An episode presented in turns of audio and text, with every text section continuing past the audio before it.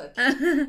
uh, Ætlar ekki að henda í eitthvað annað tungumál núna? Euh, oui, m- m- monsieur et mademoiselles, euh, ah, bienvenue à... Uh, þetta er öll franska sem ég kann. Ok. Um, Eh, je- Willkommen, Je m'appelle je m'appelle Dina. Claude. Einmitt. Nei, nei, það er smá, það er smá hérna, smá stæðlega skvís í dag. Já. Herru, verið hjartalega velkomin, kæru hlustendur, uh, í þennan þátt af hlaðvarpinu Kona er nefnd. Það er ég, Silja Björk, Og ég Tina. og við tökum eins og alltaf uh, æfinlega, hjartanlega vel á móti ykkur. Við sitjum hérna með jólál og kaffibotla og það eru pipakökur á kentinum og konur eru að komast í smá jólagýr. Uh, já. Ekki Eh, seinna Ég vætna. ætla að fara að segja það, ekki setna vætna. Um, hérna, já, það er því miður ekki komin, eða fyrir þig, ég er náttúrulega þól ekki snjó, ekki komin snjór í Reykjavík. Um, en fólk er farið að kalla eftir snjó, Já. fólk vil fara að fá, fá jólasnjóin, sko. Já, já. Að, sko, Ég náttúrulega vil fá snjó í síðasta lagi byrjun nóvember, Sko sko. náttúrulega vil fá akureyra snjó líka. En sko, ég nefnilega get ekki með, ég get, sko, því ég elska snjó í jólunum og ég get bara ekki með góðri samvisku kveikt á eina mínum uppáhaldsjólum It's beginning to look a lot like Christmas Nei, ef það er ekki snjó. When it isn't beginning to look Nei, a lot like já, Christmas Akkurat. skilur, Mhm, mhm. þannig ég er að treyna þetta Já. ég er að treyna þetta, en ég er búin að setja upp smáskraut Já, ég er nefnilega líka og það er eitthvað sem gerist ekki oft af því að á mínu heimili er alltaf skreitt bara allt skreitt 2003 bara skil ekki Nei, þú veist, við setjum þú veist, ljósin bara að, þú veist, snemma að vendunni eða þú veist, lók nóvambir eða eitthvað yfirleitt en þú veist, svona lítið jólaskraut bara ekki séns hvað núna kemur? Bara eitthvað á mömmu fjölskyldu, ég veit ekki Oh. að hérna, en núna er ég byrjuð að skreita Mm. og eftir að setja þess fleiri ljós og við höfum eftir að setja meira skraut líka sko. Mm, já. og, já. það Og- eftir að vera Winter Wonderland og ég er líka að uh, hérna uh, hvað segir maður, ganga bak orða minna eða eitthvað, svo frá ég var að tala um við þig um daginn að það kæmi ekki gerfi jólatríðan á mitt heimili það er að koma það er að gerfi jólatríðan á mitt heimili það er svona lítið sko, það er ekki þú veist, að ég sagði ef það er nógu lítið til að vera borðið þá er það lægi, ég held að það sé aðeins svo stórt til að vera borðið, það er meira svona á gólfinu, mm. en það er svona lítið gólftré mm já, þetta er sem sagt, það er, er opinn staða fyrir starra alvöru jólatré setna í framtíðinni Já. Mhm. Mm. við mikið mennirnir okkar they don't know what they Nei. got themselves into mm. og svo er ég að fara að gera smákakur lögbröð um helgina Ú, næs, ég er einmitt líka að fara að baka sörur um helgina En að ólöglegar sörur. Ólöglega sörur, já, já, ætlar að selja þær? Ég ætla að selja þær. Já, þá er þetta ólöglegar sörur. En uh, þá er nú við þetta kannski að byrja þennan þátt á smá jólahjali Það er nú sléttur mánuður í jólin í dag. Já. En uh, þema dagsins er því miður ekki jólathema nei, Það verður setna, kemur, það kemur nær jólun Þegar hún komið næst nær inn í aðmyndun og svona. Já. Eh, Þá er smá jólaglögg og jólathema En í dag ætlum við að tala um breskar svartar söngkunur mhm. Og við ákvaðum að tala um breskar svartar söngkunur pínulítið út af því að ég er búin að fá ógæði að tala alltaf um bandaríkjamenn.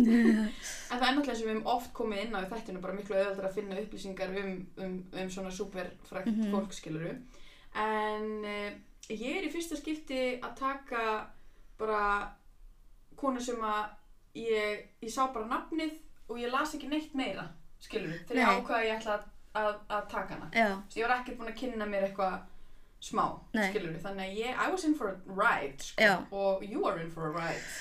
já ég eftir móti er með konur sem að við þekkjum öll og we are both in for a ride Mm bara sko núna, já, ég, nei, ég segir það Heru, ég ætla bara að segja, spennið á ykkur belti kæra hlustendur, because we are in að- for a ride. að það þurfum við ekki sjálfum fyrir þetta.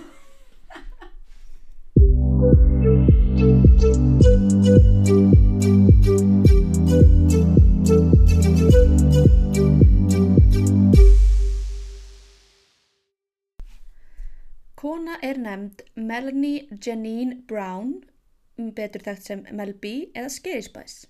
Scary Spice, Og come ég ætlaði alltaf að kalla hana bara Mel B í gegnum textan, en ég ætla að kalla hana Melanie og ég skal segja þér af hverju aftur. Uh, Melanie er fætt 29. mæ 1975 í Hyde Park hverfinu í Leeds og ólst upp þar og í Kirkstall hverfinu í Leeds þannig að hún er nóðuna í nóðuna loksins erum við líka með breskan þátt og megum bara fara full inn í hreimana about time About time, about bloody time, innit? inni Innit? Fóraldrar eru Andrea og Martin, hann er frá St. Kitts and Nevis í Karibíska hafinu og mamman er bresk og hún er hvít. Þannig að Mel B eða Melanie er blönduð sem er eitthvað sem ég vissi ekki, bara, maður, þú veist, Pældi bara ekki því. nei, pælt bara ekki í því. Uh, hún var líka sýstur sem heitir Danielle. Uh, Melanie fór í Intake High School í Leeds og lærði þar Performing Arts, sem ég gerir á þessu á svona leiklistar dansskjörningadeild eitthvað og vann sér um tíma sem dansari í Blackpool. Uh, hún fór líka í eitthvað svona dans college en uh, var rekin eftir eitt ár af því að hún var bara svo mikið út um allt og mikið háfaði í henni og bara svona, þú veist, svona She was scary. Já, Scary Spice, skilur við. Um, eins og segi, við þekkjum hann alltaf úr Spice Girls og ég kem inn á Girls í endan en þú veist, við erum líka reyna að fjalla um eitthvað sem við vitum ekki en áður en ég tala meira um Melanie þá verð ég að spyrja hvaða Girl varst þú? Sko, erfið spurning. Mhm. uh, virkilega, virkilega erfið spurning. Ég var doldið mikið að tengja við Baby Spice. Mm -hmm. Uh, ég var doldið mikið Baby Spice. Stóðlega ljósærð. Ljósærð, þú veist, cutesy, skiluru, svona, þú veist, Mm -hmm. skilur sexy baby, fattaru og hérna, og ég fekk í einu svona ammælskjöf uh, þetta er náttúrulega eitthvað sem allar uh, millennial women remember það var sem sagt Barbie lína af uh, brats, nei, hérna Spice Girls bratstúkur, nei, Barbie lína af brattstúkunum, já, nei, nei. af Spice Girls og uh, ég fekk sem sagt Sporty Spice Ú, í uh, ammælskjöf og I was not sporty. Not a sporty kid at all. Uh, og ég varð fyrir ótæpilegum vonbröðum með þessa gjöf. Uh, en ég opnaði hana samt í stað þess að, ég náttúrulega bara eitthvað fimm ára skilur Já, þetta ég mætti að fara og skipta þessu Nei. skilur og leið og beið og ég fekk aldrei, fekk aldrei uh, Baby Spice. Ég átti Nei. alltaf bara Sporty Spice. Já. og Carlotta frænka mín átti hún átti sko Scary Spice og Posh mm. Spice Mm. uh, en náðum aldrei að klára Settið, sko.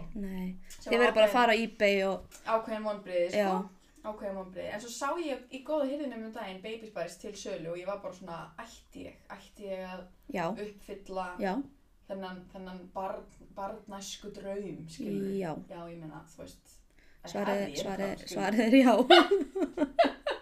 já, ég nefnilega sko, ég, ég var, sko, ég var ekki beint sporti krakki, en ég æfði samt alveg íþróttir, ég æfði hérna, listas og skautinu þrjú, meiri ár og ég, sko. ég hefði frjálsari í eitt ár eitthvað, þannig ég var, einmitt, ég var svolítið mikið að hoppa á milli sporti og baby, já, en svo einmitt fannst mér líka gaman, sko, þú veist, að þegar sporti og baby voru eiginlega svona, einmitt vinsalastar einhvern veginn, mm, sérstaklega kannski hérna á Íslandi, veit, Mhm. finnst mér kannski, mm þannig að ég var oft eitthvað svona, ó, ég ætla að vera, þú veist, hérna, ó, hvað heitir hún, Jerry? Halliwell, Já, en hvað heitir spæsið hennar? Ginger Spice Ginger Spice, djók. Þannig ég var svolítið að svona hoppa þar á milli. En ég var oftast í einhverju svo spæskulsleik með frængu minni mitt í borgarinsi og við vorum með mitt ofta skiptast á að vera baby og sporti, Mm. skiluru.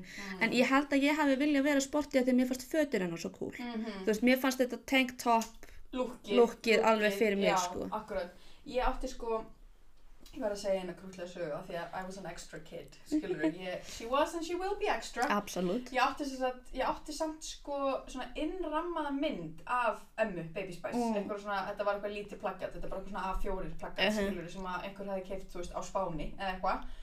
Og ég man ekkert hver gaf mér þetta, hvernig mér áskotnaðist þetta plaggat, en ég var með það í gildum ramma. Og ég vildi ekki hengja það upp af því að þetta var precious. Ég var Já. með það og hann í skuffu í kottaveri Já, og safngripur. Og þegar ég ætlaði að sína kannski vinkonum mínum eða einhverjum þú veist nýja, nýja plakati mitt þá fór ég í sitt hvort nestispókan skilur þú, það voru ekki til hanskar þannig að ég náði svona tvo glæra nestispóka og setti, ég er ekki einu svona að grínast smá. Setti utan um hendina og fór eins og ég var einhver fucking museum curator og náði ég að fjölda framleitt baby spice, þetta var ekki einu svona áritað eða neitt Nei. skilur og það var ekki heldur svona prentuð áritun eða neitt, þetta var bara eitthvað mynd af henni og bara eitthvað Emma, Baby Spice Já, og bara í einhverjum rúmfættarlæðis ramma. Já, og svo held ég bara á þessu Já, mátti ekki snerta. Það má- og fólk mátti ekki snerta Nei. þetta og það mátti ekki hengja þetta upp og þetta var ofan í skúffu Oh my God. I love it. Ég, 100%. Eins og sé, she was extra She was she extra. was and always will be Nei. En Eh, allavega, allavega. Það, var, það, var, það var hérna þetta Og við verðum að spyrja, við munum spyrja á Instagram hvaða, hvaða Girl þið eruð. Af- já, Þannig að hugsaði málið. Takkið þennan Mhm. þátt að hugsa aðeins málið á meðan Mhm. menn er lusti. Uh, nú, ég ætla aðeins að byrja á Girls áður en ég fer Mm. bara svona the facts. mm. Að 1994 var sett sett auðlýsing í The Stage Magazine The Stage Magazine sem um 400 konur svöruðu og mammennar Melanie, þá var hún held ég, þá var hún hægt í skólanum og var bara náttúrulega að leita sér starfi alltaf að skoða The Stage Magazine, leita að einhverjum auditions og eitthvað. Uh, og mammenar með setti hringutunum þetta og eitthvað eitt annað og Melanie bara ok, cool, fyrir Mm. þetta. Uh, og það var sérst verið að leita stelpum í stúlknasveit og hún á samt Mel C, Jerry og Victoria voru valdar í bandið og svo einn sem heitir Michelle Stevenson. Michelle Stevenson. Uh, og þá hétt þetta band Touch. Oh. Já, Michelle hætti og Emma Bunton kom í staðinn og þá voru þær hjá sagt, Heart Management sem var það sem að bjóð til þú veist sem að bjóð til þú veist í auditions og allt þetta. Að það voru ekki, þú veist, Heart Management var ekki að standa sig það voru ekki að finna neðan samninga fyrir það það voru bara hefðið fuck you. Og hættu bara með þeim og fóru bara að do their own thing. Og þú veist, hún var að segja frá því hvernig einhvern tíman uh, var Simon Cowell held ég. Mm þú veist, hann var einhver agent og hann var í Breitlandi eða eitthvað. Og hérna það er bara byði fyrir utan skrifstofun hans eftir að hann kæmi í vinnuna og þú veist, svo kom hann út í bílnum og þá fóru þær bara eitthvað að dansa og að syngja í kringum hann og hann bara stelpur, stelpur, stelpur, þið eru ekki tilbúnar og fór eitthvað. Svona þú veist, þær voru bara þarna, skilur bara knocking on doors, bara góðan daginn, við viljum vera frægar, Mm, skilur mhm. Uh, svo hérna fundar Simon Fuller sem að kom þeim að sam samning hjá Virgin Records og þá breytið hann nafninu í Spice Girls Mm. og þessi Simon fyrir utan að vera Spice Girls kallinn uh, bjóð til Idol akkurat og hérna sem að byrjaði í Breitlandi Mhm. áður en að fór í American Idol og hann hefur líka verið eitthvað executive produ- producer á svo, svo ég þekki ekki dagans og Mhm. bara hann er þessi guður mm -hmm. Nú, 19. september 1996, kannski var það 5, kannski skrifaði ég vitlaust, uh, kemur platan Spice út mm. og Wikipedia stendur It is considered to be the record that brought teen pop back, opening the doors for a, for a wave of teen pop artists. Sko, the Spice Girls crawled so One Direction could run Absolutt, sko. Bitch. Absolutt. Uh, þessi plata er nýjast lög þess að Wannabe, To Become One, Who Do You Think You Are, uh, Bara, Þetta er iconic plata 100% og Wannabe var á þeim tíma eitt mest seldi singull allra tíma Mhm. og hérna bara lægið sko seldist í 6 miljónum eintaka eða yfir Mm. og platan sjálf seldist í yfir 23 miljónum eintaka og uh, já eins og ég segi þú veist það sem að mér finnst skemmtilegast við þetta hlaðvar Mm. er að komast að einhverju um konurnar sem við veitum ekki Mhm. þú veist, fara aðeins dýpra heldur en bara að Melanie var í Girls, Mhm. skiluru og í síðustu viku var ég með hausverk þannig að ég var ekki alveg tilbúin í að lesa mér mikið til. Þannig ég er eitthvað svona að googla eitthvað við tölu eitthvað á komstaði og hún hefur skrifað tvær bækur. Mm. eina 2002 og eina 2000, sem kom út 2018 Mm. og svo sem kemur út- út 2018 heitir Brutally Honest og er svona, þær eru báðar svona sjálfsæfisögu Mm. bækur. Þannig ég bara, ok, átti kredit á Audible. Vákaði vildi óskuða að vera með spons frá Audible núna, er ekki Mm. allir podcastar með spons frá Audible? Og kefti bókina til að hlusta á hana með kreditinu mínu svo ég þurfti ekki að lesa. Og eh, ég bara vá. Ég er bara eftir mig sko. Aha. ég er eftir mig að eftir að hafa hlusta á þetta sko. Þú veist, við vitum hún var skerisbæðis hún er búin að dómar í X-Factor og veist, hún er í keppin í Dancing with the Stars hún var í America's Got Talent, Australia's Got Talent Spice Girls hafa farið að endur koma tónleika tvísvar og opnunarháttið Olimpíuleikana í London 2012 Var hún ekki líka, hún var, hún var með einhvern hérna, hún var með raunveruleika þátt um lífsitt líka. já, eitthvað hérna, eitthvað stutt, eitthvað svona, já, já. eitthvað svona mjög stutt þegar að Keeping Up with the Kardashians. Eh, einmitt, Þetta er svona 2008-2009 eitthvað já, svoleiðis. já, algjörlega en hún sem sagt hérna, ég hlusta á þessu bók á eitthvað tveimur og hálfum degi, þetta er 20 klukktíma bók. Uh, og hún sérst skrifar Sorry, ég elska þegar maður dettur inn í svona það sem að maður dettur inn í einhverja geggjaða hljóðbóka dettur inn í einhverja geggjaða bók og maður bara ekki tala um mig, ekki horfa um mig já, don't even look at me right now. Já, bara ég þarf að hlusta, ég þarf að lesa. Já, ég er Mm. einmitt sko hlustaði á hana til fjögur nóttina um Mhm. dagina því ég var bara gat ekki, slögt, slögt. En sagt, hún les ekki bókina sjálfa því að hún kemur í byrjuninni og útskýrir uh, hún, er les, hún er lesblind og var greind Mm. seint með lesblindu Mm. uh, og hún skrifaði þessa bók með sérst vinkonu sinni Louise Gannon og sem er blaðamaður, þú veist Mm. þannig að hún er svona meiri að skrifa, þú Mm. veist og, og Melanie segja söguna og svo var sérst önnur stelpa sem heitir Sarah eitthvað sem mann ekki alveg glemt að skrifa niður sem les bókina en hún er með sko svipaði rödd og svo svipaðan hreim Mm. og Melanie Mm. að þú veist, ég fattaði ekki fyrir en seint bara nokkru köflum inn, bara já, beti, hún sagði því að hún væri ekki, hún er ekki hún er ekki lista já, já, uh, og þetta er eiginlega bara 20 klukkustunda trúnó ég meina, it is brutally honest Já, það er- er að fá mér smá kaffi Já, bara endilega. Það er svona ASMR in the background. En Melby hefur átt ýmsa kærasta og eigamenn í gegnum tíðina og við veitum jú að hún var tengdadóttir Ísland sér um tímabil að gift fjölni og hún talar alveg um, þú veist, hún minnist alveg á hann. stopp. Nei, ekki, nei, hún var ekki gift, Já. hún var með fjölni. Hún, ta- hún minnist á hann eitthvað svona my viking boyfriend eitthvað en þú veist, talar svona ekkert mikið um hann. Nei, en var þetta ekki líka í 25 mínútur? Já, eitthvað svo les. Uh, hún giftist síðan árið 1998 manni sem heitir Jimmy Golzar og hann var dansari, svona Mm. backup dansari fyrir Spice Girls, þú veist það er fengu einn dansara hver, skilur sem átti svona að þú vera þeirra Mm. dansari og það er einhver myndaði með eins fötum og eins buffalo skóm og eitthvað. Ó, það er. Uh, já, einmitt, oh, buffalo skór, ég átti Mm. svo leiðis and I loved them. Mhm. Um, Rosalega gott fyrir svona lágvaksna konur. akkurat, Mm. uh, ég var samt ekki lágvaksin sem krakki, þú veist, ég, svona, ég stækkaði og var svona þokkalega eina af þeim hærri í bekknum, svo hætti ég að stækka, en allir hína hinir, stelpurnar já, hm. heldur áfram um, og þau sem sagt hérna giftu sig, hún og Jimmy og hún kallaði sig Mel G að með, Mhm. veist að þau Gulls are uh, og þau eignast dótturina Phoenix árið 1999 og eins og hún lýsir Jimmy í bókinni hann var hann ekkert sérstaklega frábær maður uh, hann bara fekkur stjórnsamur og frekur og dónalegur Mm. og mamma hennar hafði sagt við Jimmy einhvern tíma stemma í sambandinu eða þegar þau voru búin trúlega eða eitthvað að hún triði því að hann væri bara eftir peningur með Melanie og Mm. hann væri samkynneður en ég hef samt ekki séð neitt sem að staðfyrstur hann sé samkynneður Mm. en þú veist, það hefur bara verið einhver svona 90s fordómar því að hann var backup dansari Já, skilur mhm. um, Alls og tvíkir neði til. Já, þú veist, fyrir utan það. Um, en vinnurinnar sagði henni samt setna, hann hefði heyrt hann segja eftir brúðköpi bara að þú veist, finally I'm rich.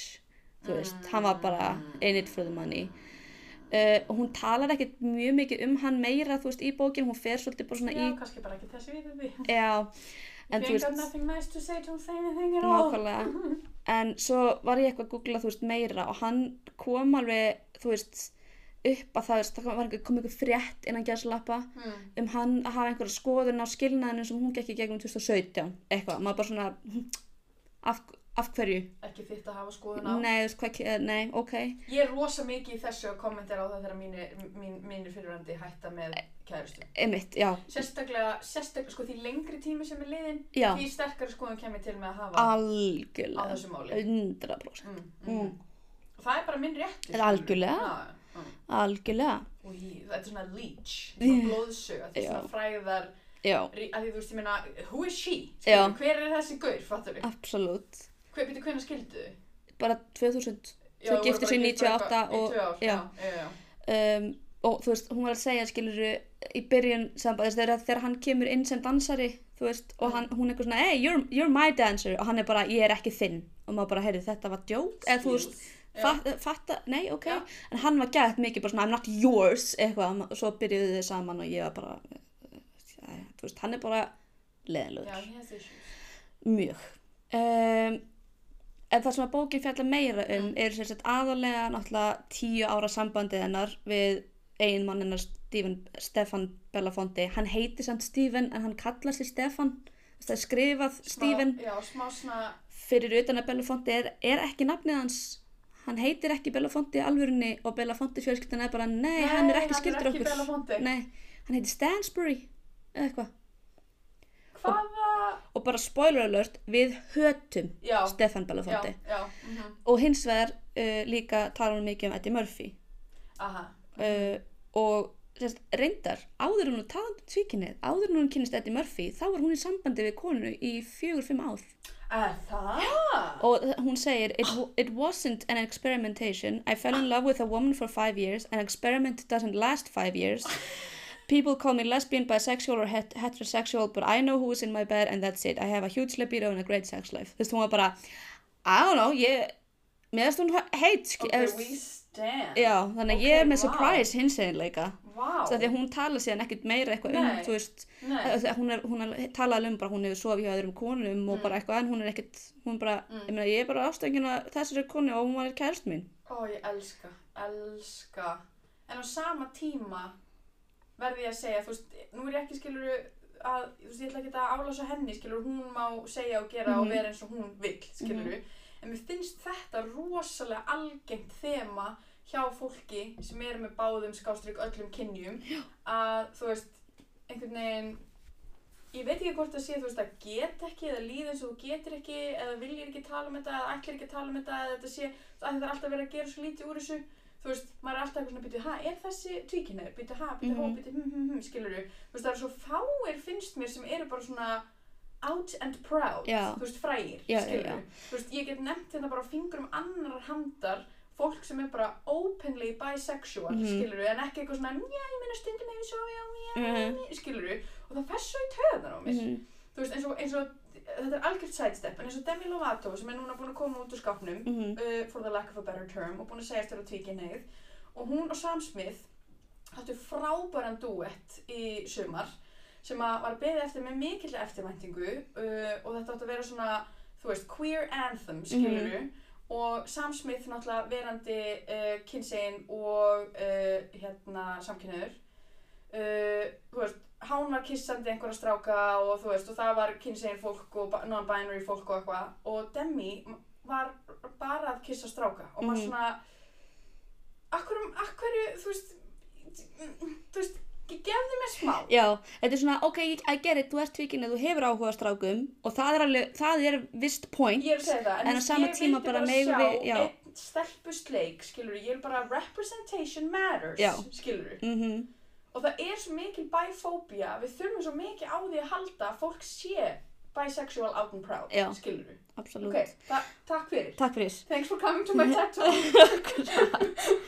en eins og ég segi, we stand a bisexual queen, það Já. er flott hjá hann. Já, einmitt. Og ég held einmitt líka bara að hún sé svona típan sem að er, þú veist, að það er líka munur á því einmitt að vera, skilur, ekki out and proud, heldur bara, nei, ég sko ekki tvikið, nei, bara var bara óvart með konu, Já, skilur, þú já, veist, já. svona svolítið, með Það ford, er allt einu bara öll konan, já, veist, skilurðu. með fordum fyrir sjálfur sér Mhm, kannski, mhm. og síðan að vera bara, ég veit ekki, ég bara gerði eitthvað og svo núna og ég gerði, þú veist, mm, Mhm. hún er svona not a label típa, skilur, Já, versus, algjörlega, en mér finnst þetta not a, það sem ég er að segja, þú veist, þetta not a label dæmi á eiginlega bara við tvíkynheiða og pannkynheiða já, og eitthvað þannig, skilja, því að, þú veist, ef þú ert bara búin að vera með konum einhvern veginn, þá er allir bara, já, þú ert bara lesbía. já, Þó einmitt, þú sért kannski sjálft, þú veist, eitthvað svona, mm, já, eða þú veist, Nei, já, einmitt, já, nei, ég En skilði, þú hefur bara verið með, þetta er eins og ef maður er, ba- ef maður hefur, ef maður er, þú veist, ef ég hef bara verið með karlmennu, skilju, þá er óslega erfitt fyrir mig að, þú veist, vera eitthvað svona, já, ég er samt tvíkinni, sko, ég hef alveg sofið hjá konum, sko, Já. þú veist, ég hef kannski ekki verið með konu í sambandi, skilju, en, einmitt, það er alltaf svo mikið pressa á bara, þú getur ekki verið tvíkinn nema þú ert búin að A, sofa hjá konu og B, vera með konu í, í ástasambandi, já, þú veist, og helst ganga gegnum break-up með konu, Mhm. en ekki bara einni konu, heldur mörgum konum Mhm. til að þú sért búin að fá smá Mhm. variety en líka köllum, Mhm. mikilvægt. mhm, Og bara svona, má ég bara kannski, just let me live, já, akkurat. En hún talar svolítið mikið, þetta, þetta er mjög skemmtileg bóka því hún sko, hún er ekki í tímaröð. mm, Hún segir þess eftir bókina í klukkutíma viðtal, eða viðtal, hún og Louise að tala við hver aðra Já, basically. já. og hún svolítið að taka viðtali við Louise en það er náttúrulega bara að tala. mm, mm, og hún talar um bara svona, hún vildi ekki hafa þetta tímaröð heldur bara, hún er með, þú veist, ADHD líka, mm, mm, hún er náttúrulega bara, já, veist, út um allt, mhm. skiljuru og hún bara, hún sagði, ég er bara svona típan, þú veist, ég er kannski að segja einu sögu og það minnir mig á annað, þá fyrir ég að segja þá sögu, þú veist, þetta er svolítið þannig, skiljuru Mhm. og þetta er mjög skemmtilegt að veist, hlusta á þetta, ég, fór alveg, ég fór, ég fór alveg inn í þetta, sko, ég var Mhm. bara með, þú veist, mér leið svolítið eins og ég væri svona ósynlega fluga á vegg Já, einhvern veginn, þú veist.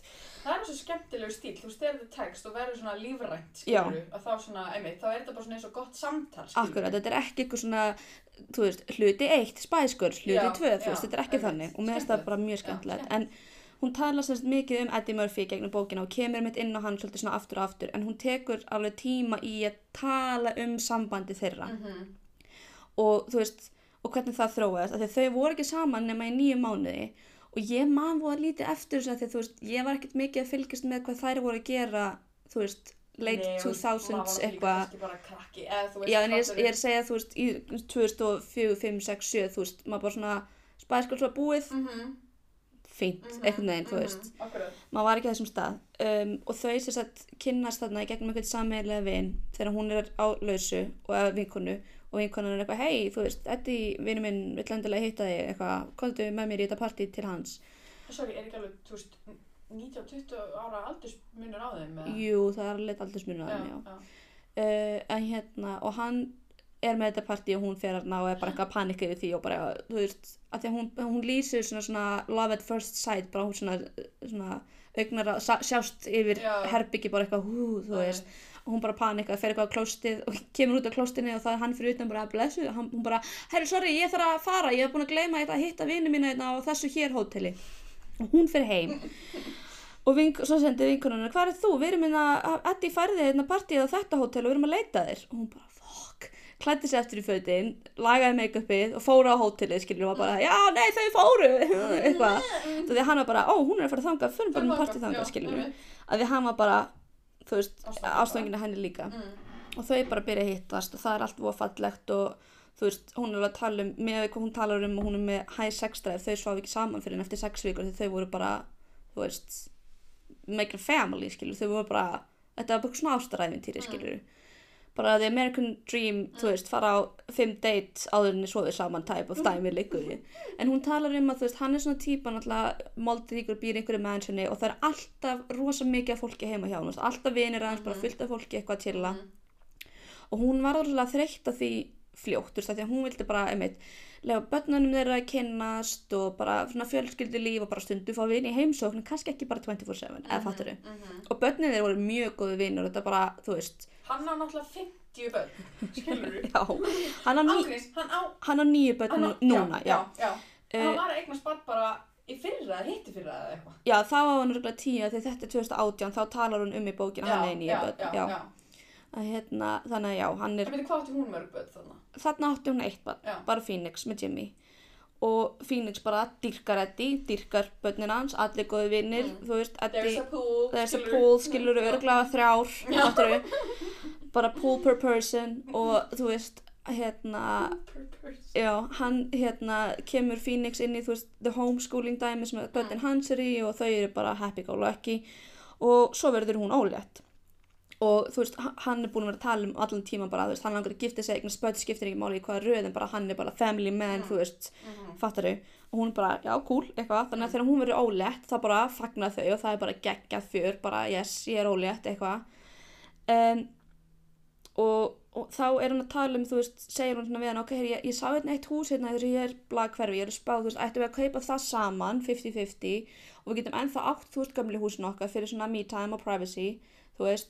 að kaupa það saman, 50-50 og við getum ennþá átt, þú veist, gömli húsin okkar fyrir svona me time og privacy, þú veist, og við erum kannski fimm daga á, í, í sammeila húsinu og eitthvað, hann bara, nei, nei, ég skal bara kaupa þetta hús og hún bara, nei, nei, og þegar hún vildi, þú veist, fjárhagslegt sjálfstæði, Mm, skilur, hún er mhm. bara, er fjárhagslega sjálfstæði, skilur, hún Mhm. alltaf nýkomin af Spice Girls, bara, Mhm, þú veist, mhm.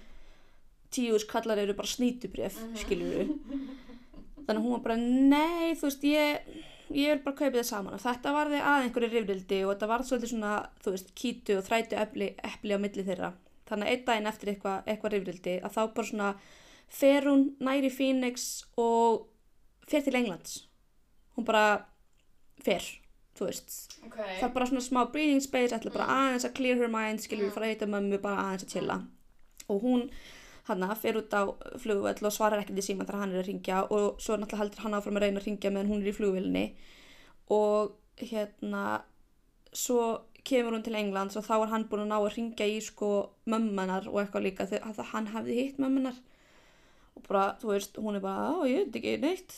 Og svo, nú man ég ekki hvort það var nokkrum dögum setna eða þú veist eitthvað, þegar hún er í Englandi að þá kemur Eddie þess að uh, fyrir okkur red carpet fyrir einhverja bíómynd og er spurður út í Melanie og badnið og þá segir hann bara, heyrðu það er bara ekkert staðfest um hver eigi þetta badn fyrir hann að koma í DNA-prófi, við erum ekkert saman já, Ha?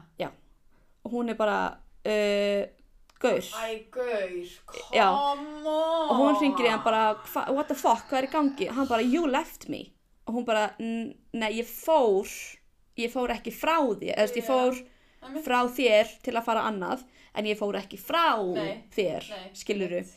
en hann bara í einhverju dramakasti var bara, hún er bara farin frá mér eitthvað, þannig að þau bara þá er þetta bara búið What? bara, þú veist, the one true love bara, ha, Út af bara húsi? Já, út af, út af því að hún fór í einhverju fúrsi til England sem náttúrulega er svolítið dramatíst Já, já. eftir yfirildi að fara í aðra heimsálfu en þú veist, En þú veist, en þetta er var ekki já, þetta var er ekki Hún var ekkert eitthvað ringjandi í The Sun og bara eitthvað ég er komið til England sem til við erum hægt England, við saman erum hægt saman. Og Mhm. mér finnst líka ógeðslega low blow að vera eitthvað að það verður ekkert sanna hver á þetta bann fyrir hana Don't drag the children into this. Nei, af því að líka þið fagnuðu þessu óleittu saman. Já, og það var gett mikið gefið skinn þú veist, eftir þetta alltaf að hann, hún hefði verið að halda fram hjá og, og eða þú veist að hún hefði bara verið bara verið, verið drusla og bara sofandi hjá út um klippinu og kvappinu, þau hefði ekki verið exclusive og eitthvað svona. Og maður bara, nei nei eins og hún lýsir þessu, Já, það bara satt. þið voruð í sambandi og þið bygguð til batn og þið voru ána með þetta batn og þið ætluðu að eiga þetta batn, Aha. skilur þannig að það já, og hún Ókei. bara, þú veist, er bara í massa ástasorg, hún ætla Auðvitað. þú veist, kasólétt og svo hérna af því að örlegin elska að vera kaltæðin að þá fæðir hún barnið á afmælisteginum hans. Nei svo hún fer upp á spítala hann, afmæli, eða þau, hann og dóttir, hennar, dóttir þeirra eiga afmæli 3. apríl. Hún fer upp á spítala, byrjar að fá hriði 2. apríl og hún er bara 2. apríl bara þetta barn þarf að koma í dag. Ég er ekki að fara að fæða þetta barn á morgun. Það er bara ekki að fara að gerast. Og krakkið var bara sorry. Sorry mommy. Bara hefur getur þú sett tappa í þetta? Já, Þetta er í lagi annan, þetta er í lagi fjórða. Já, ekki þriða Ekki þriða Nei. Nei, takk. Mm.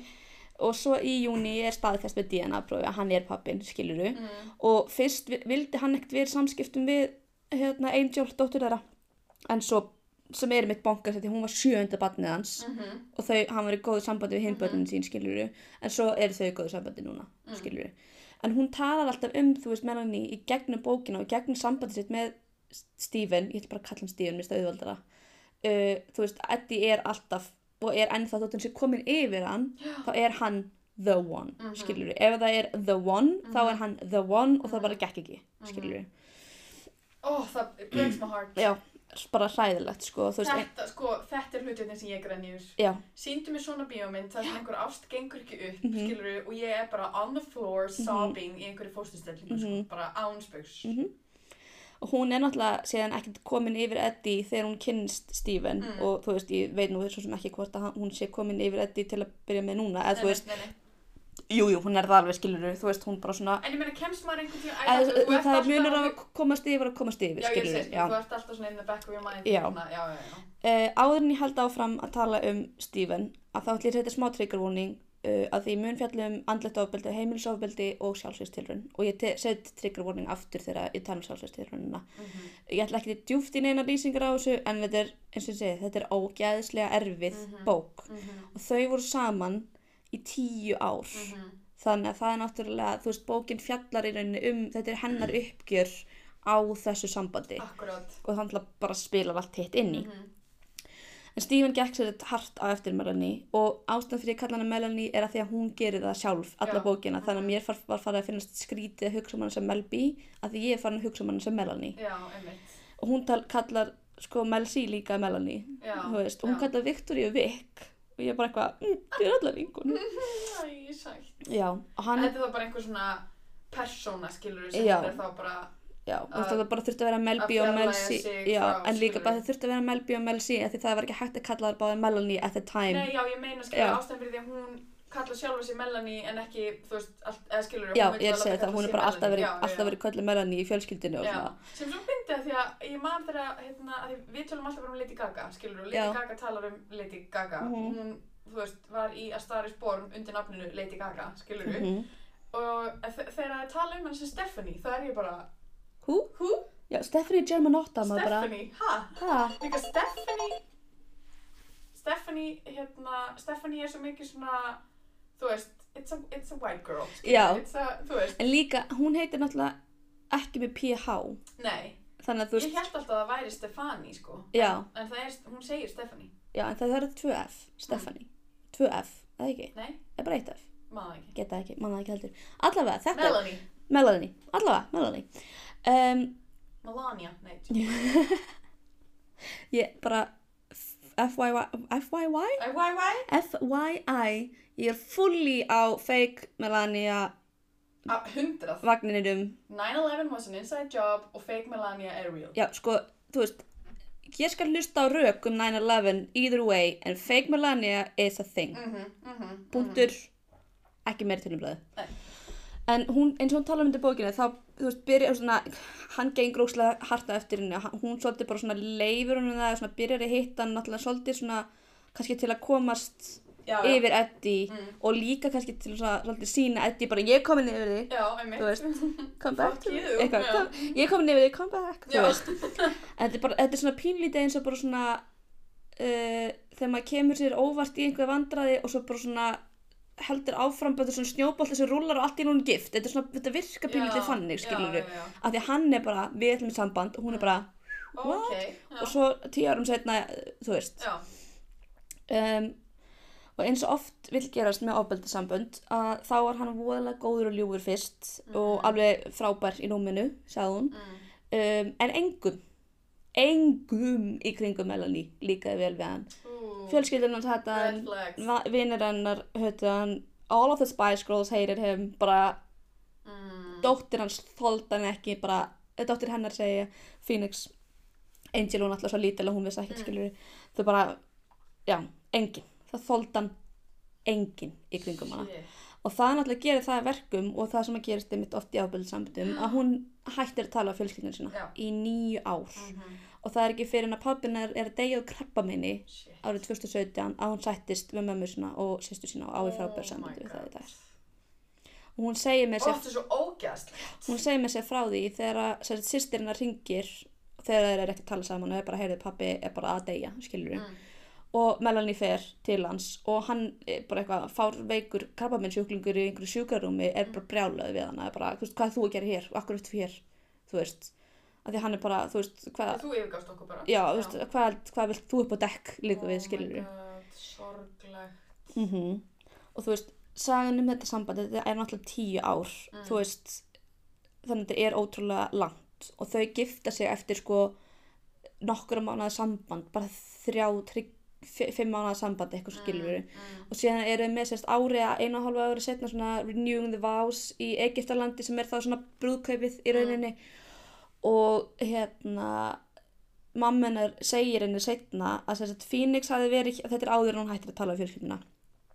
Phoenix hafi verið hjá ömmur sinni og frængur sinni, sérst sýstur Melanie þannig að rétt fyrir brúðkaupið. Og mamma hennar segir henni setna bara Phoenix var bara að brotna niður bara trekk í trekk í trekk í trekk í trekk. Og þannig að Phoenix skilur tíu ára Mhm, eða eitthvað. Mhm. þú veist, af því að hún bara vildi ekki að mamma hinn væri með þessum manni. Tíu ára barn. Oh my god. Og hún var mér bara, ég gæti ekkert verið að segja þér í, í brúðkaupinu og þú veist, ég sé ekki hvernig hann myndi bregðast við, hvort að þú myndi segja hann, þetta er alltaf svo erfitt Já, já. skiluru, Allir alltaf að reyna að passa sig og svo er náttúrulega bara, þú veist, ótrúlega auðvelt að vera, vera gáfaðar eftir á, Mhm. skilur en bókin sérst byrjar á og hérna er trigger warning fyrir sjálfsvörstilurina sem, að- sem að Melanie reynir á 2014 og það byrjar hann, þú veist, lýsingin byrjar á bara hún standur og og þá til hann, bara hann allt í lítir í speilin og svona eitt skýrt augnablikar um bara fokk nei, ég vil ekki gera þetta. Og þú veist, 2014, þarna er skiluru þú veist, Phoenix er 15 ára og Angel er eitthvað, 7 eða eitthvað ég er ekki alveg, viss, man ekki hvað hún er fætt um, en hann er að tekið svona mikið að töflum og þá er hún bara detta inn og út og Mhm. hún er eitthvað inn á baðinu og bara shit, hvernig ég, þarf að komast eitthvað byrja eitthvað að senda ykkur SMS og eitthvað kalla á Steven og hann kemur ekkert og eitthvað og hún fer ekki spítala fyrir daginn eftir. Og þá er það að því að sagt, hár, hún hefði sendt, sendt hárgæslu manninum sínum þú veist, einhver vinnur hennar sem er svona, þú veist, her hair guy uh, SMS eða eitthvað skilaboð. Og hann kemur um kvöldið og bankar upp og Stephen er bara neina, þetta er allt í lagi, þú veist, ekkert- að ágjöra þessu. Mm.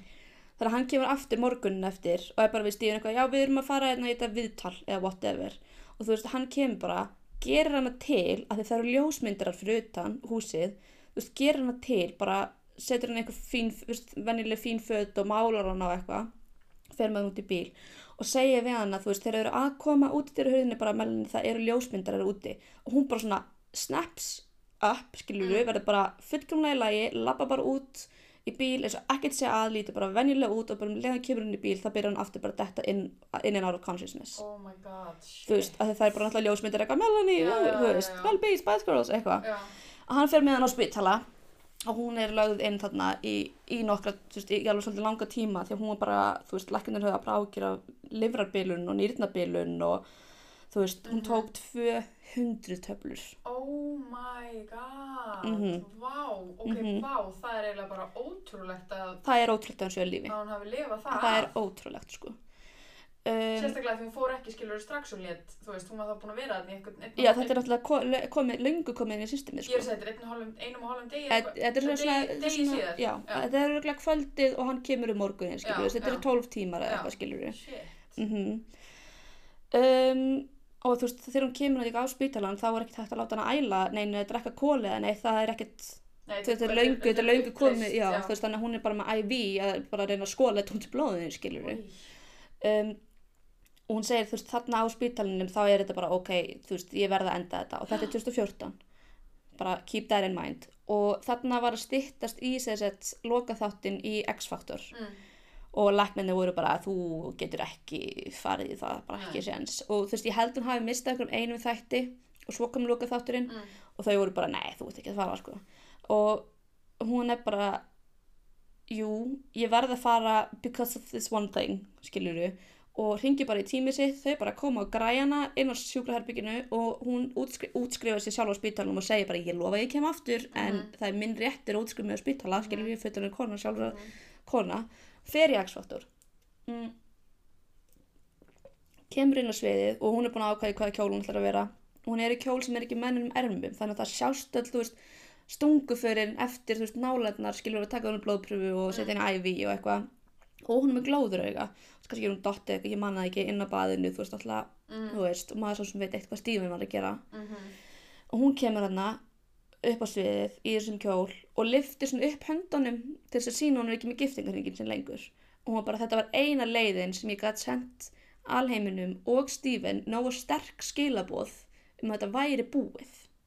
Þú veist hún var bara, það var, ég vissi að það var aldrei að fara að vera nóg að segja bara við hann þetta er búið, skilur í hennar aðstöðu, bæði, bæði verandi svona fræg og með þetta miklum ofbeldismanni Mhm. hún var bara, ég þurfti að make a statement þú veist, fyrir mig og til þess að vera mitt bara the Shit. biggest fuck you við hann, Mhm. skiluru Af því þú veist, hún er núna búin að þekkja bresku pressuna þarna í ára tugi, skilur, hún veit nákvæmlega bara they're gonna take every little morsel and they're gonna with it, absolutt, sko, absolutt. Af því að hún gerir alveg í, þetta er ekki eitthvað svona hún sé að veifa og eitthvað fólk er eitthvað, hvað er giftingaríkur þetta er hún bara, þú veist Já, sína og svo hendur þess að fólk kannski tekur eftir svona með að, já, eitthvað svona svona, svona anti-ringa auðlýsingar með höndunum eitthvað, sjáu þið, hér svona er ógeðslega mikið tanfar og svona, mm, yes. Já, og svo hérna, núna til dæmis er textin sem ég skrifaði niður búinn, Mm. af því að ég gæti ekki skrifað meir, af því ég bara, ef ég hefði skrifað þetta,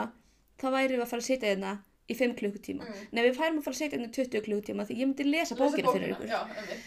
En þetta er 2014 Mhm. og hún talar við uh, einhvern veginn sem ég man ekki hver það var þarna eftir þetta. Já, nei, það var fjölskyldi, þau voru með fjölskyldisálfræðing, Mm, svona family therapist. mm. og hún talar við hann og þau eru alveg í góðu sambandi og hann er bara, þú veist að þú getur ekki farið frá hann strax hún bara, ha? Hún, hann bara, þú, að því að þessum tíma var hún byrjað að nota kókain Mm. og bara drekka úkslega mikið, skiluru og hún bara, þú veist að ef þú ferð frá henni núna eftir að hann, þú veist þú ert búin að nota kókain að þú, þú veist, tókst 200 töflur hann tekur börnin og hún er bara, Já, fokk mm. þannig að þau skilja ekki fyrir 2017 Shit. mhm mhm Oj. Já. Ó, ég er með hroll, sko. Já, þannig að hún þurfti bara að fara aftur til hans, basically. Ugh. Mm Új. Og hún segir líka frá því að eina ástæðan fyrir hún var aldrei búin að þóra að fara frá hennum áður er að því að þú veist, þau, hann átti, ég man ekki hvað talan var, en marga tugi, ef ekki hundruði kynlífsmyndbanda af þeim. Mhm. Bæði bara af þeim tveimur og líka einhverjum þrísóm sem að þau voru vist reglulega í. Maður bara svona, já, live your life, skilur Mhm. bara make a sex tape, ekkert mál Mhm. en hann náttúrulega held þessu bara yfir henni Akkurat, akkurat, algjörlega.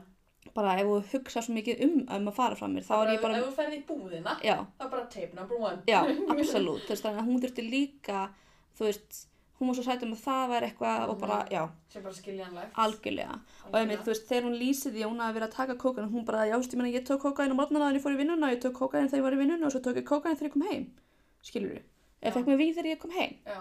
Og þú veist, hérna, hann var líka að segja bara, þú veist, fínir segja oft sé hann bara out of it fulla bara, þú veist, meðdundalus eða, þú veist, bara blackout eða eitthvað mm. og Angel náttúrulega líka Já, eiga þau, eiga þau börn saman, hún og, Stefan Stefan, Belafonte. Stefan Belafonte Sorry, það er bara fyrsti rauði fánin. skilurðu? absolutt eins og ég myndi bara eitthvað, já, herðu, ég heiti núna Celia Kardashian. Já, það það að þetta einmitt ekki að vera eitthvað Þetta er ekki eitthvað svona að skipta bara yfir Jones eða eitthvað svona, þú veist, að því að Stansbury er ekki flott eða eitthvað, skilur. og mér að Stansbury er ekki bara fín Já, þú ert að velja, velja Belafonte Já. skilur við, sem er, sem er sem er alls já, ekki þú.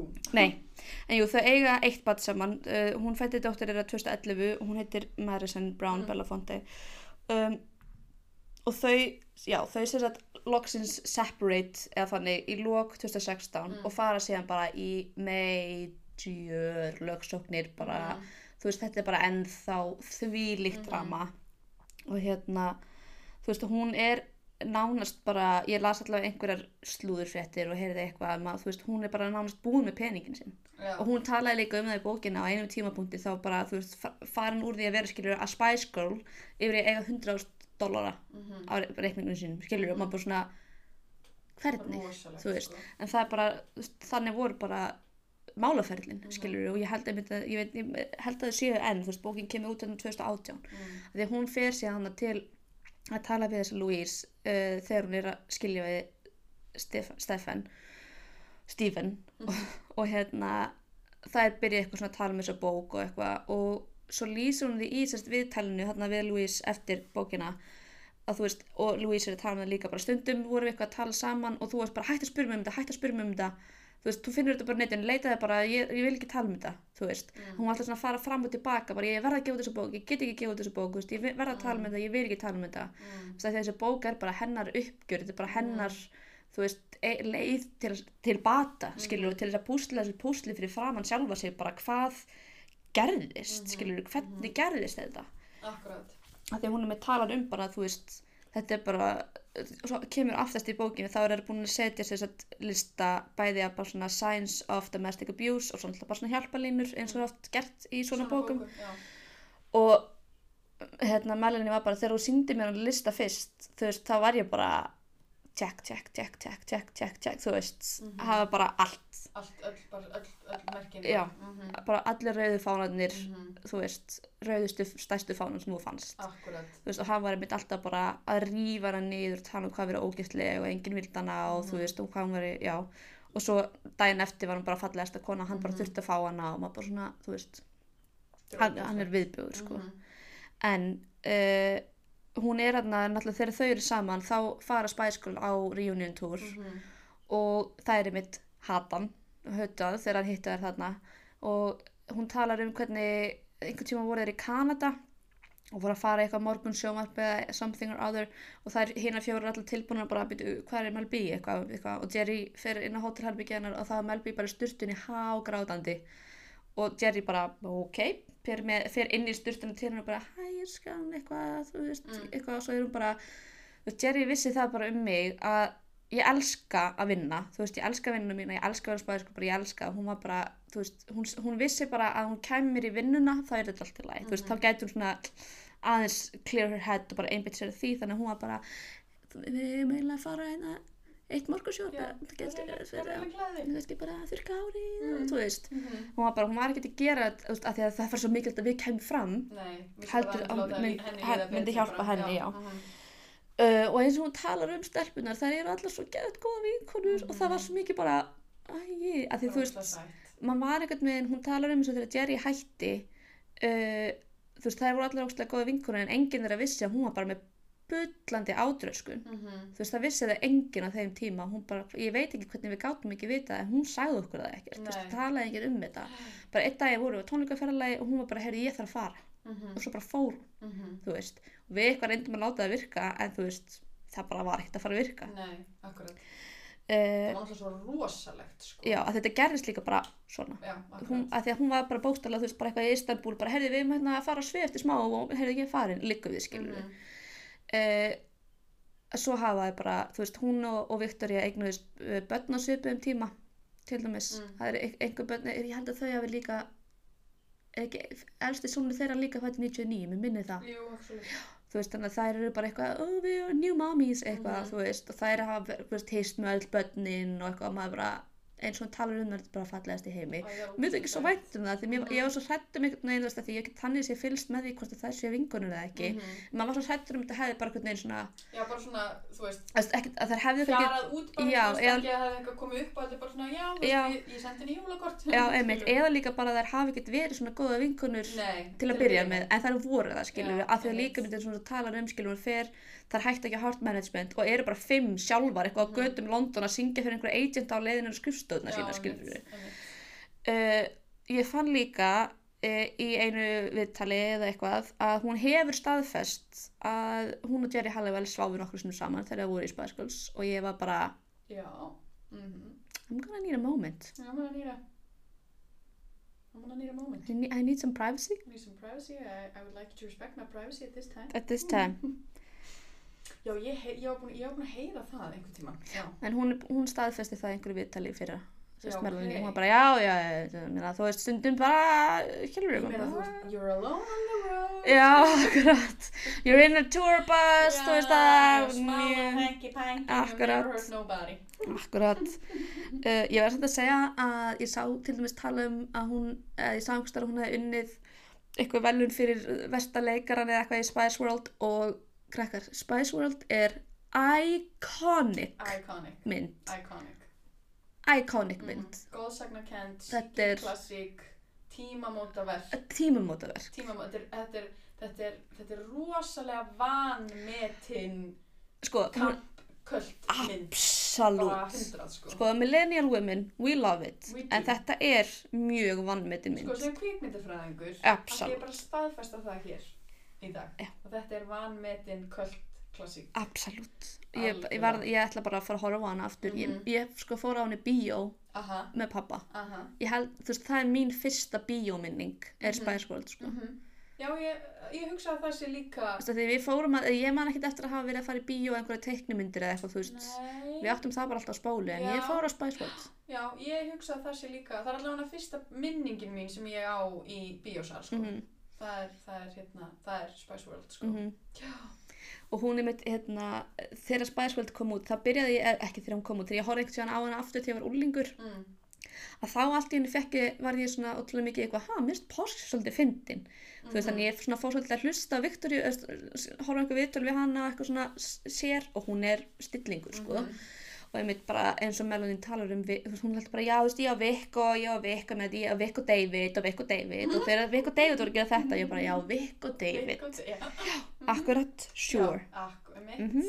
En hérna, þú veist, fórstu eitthvað í, af því að ég, ég hef lesið og, og pælt í þessu Spice Girls dæmi, skilur, að þetta er náttúrulega, þetta er svo góðsagna kent þessi, þessi samsetning, skilur, Mhm. að þú veist, að bara viljandi taka og setja saman eitthvað stúlknaband, skilur, Aha. þetta er svona, þú veist, hefur hvorki einhvern veginn verið gert fyrir nýja síðar Mhm. og þetta var náttúrulega á þessum tíunda áratug þar sem að, þú veist, maður sér minna af þessu í, í stúlkna og drengjasveitum í dag, skilur Já. en in the 90s þá var þetta bara svona þú ert með þennan persónuleika, Já. þú ert með þennan persónuleika þú ert með þennan persónuleika og þú þurfti bara að vera inn í einhverju persónu, skilur og þú veist, þú áttir að geta þú sem krakki eða þú sem skilur á aðdándi áttir að geta svona samsvaraði með eins og við vorum að tala um á það já, já, já, uh, og ég var ekkert sem að lesa grein um það, þú veist að það er svona ákveðið svona í því að hún skuli hafa verið Scary Spice Já, og hún skuli hafa verið þú veist, það er, það er svolítið mikið svona verið að íta undir svona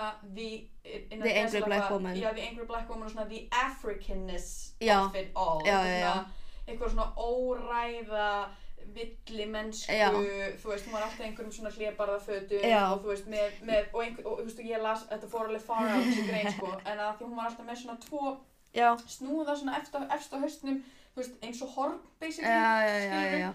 Ég skoðaði ekkert mikið en hún samt sko, þú veist, kom aðeins inn á þetta með skeri að þú veist, uh, hún, hún var bara, ég, ég, ég er skeri, ég var skeri, skilur Mm. þú veist, hún er, hún er típan sem er, þú veist, hún, hún er hávær, hún bara kemur, þú veist, fram, hún bara, þú veist, eh, hún er ekkert að banka á skrifstofuna, þú veist, til þess að fá að tala við, hérna, forstjóra Virgin Records, skilur, þú veist, Mm. hún er ekki þannig típa, þú veist, þannig að hluti af hennar spæs personu er samt bara rosa mikið hún Mm. þú veist að með til dæmis svona tala um eins og M. Bunton sem er eitthvað hérna litla sæta saglusa með tíko eða eitthvað eitthvað sleiki og skiluru hún er örgulega með þú veist, the most dirty hu þú veist, húmórin á okkur öll, eða skilur þú veist, þannig að það er svona mismikið að milli karakterina þeirra hversu mikið það er finna sig í þeim.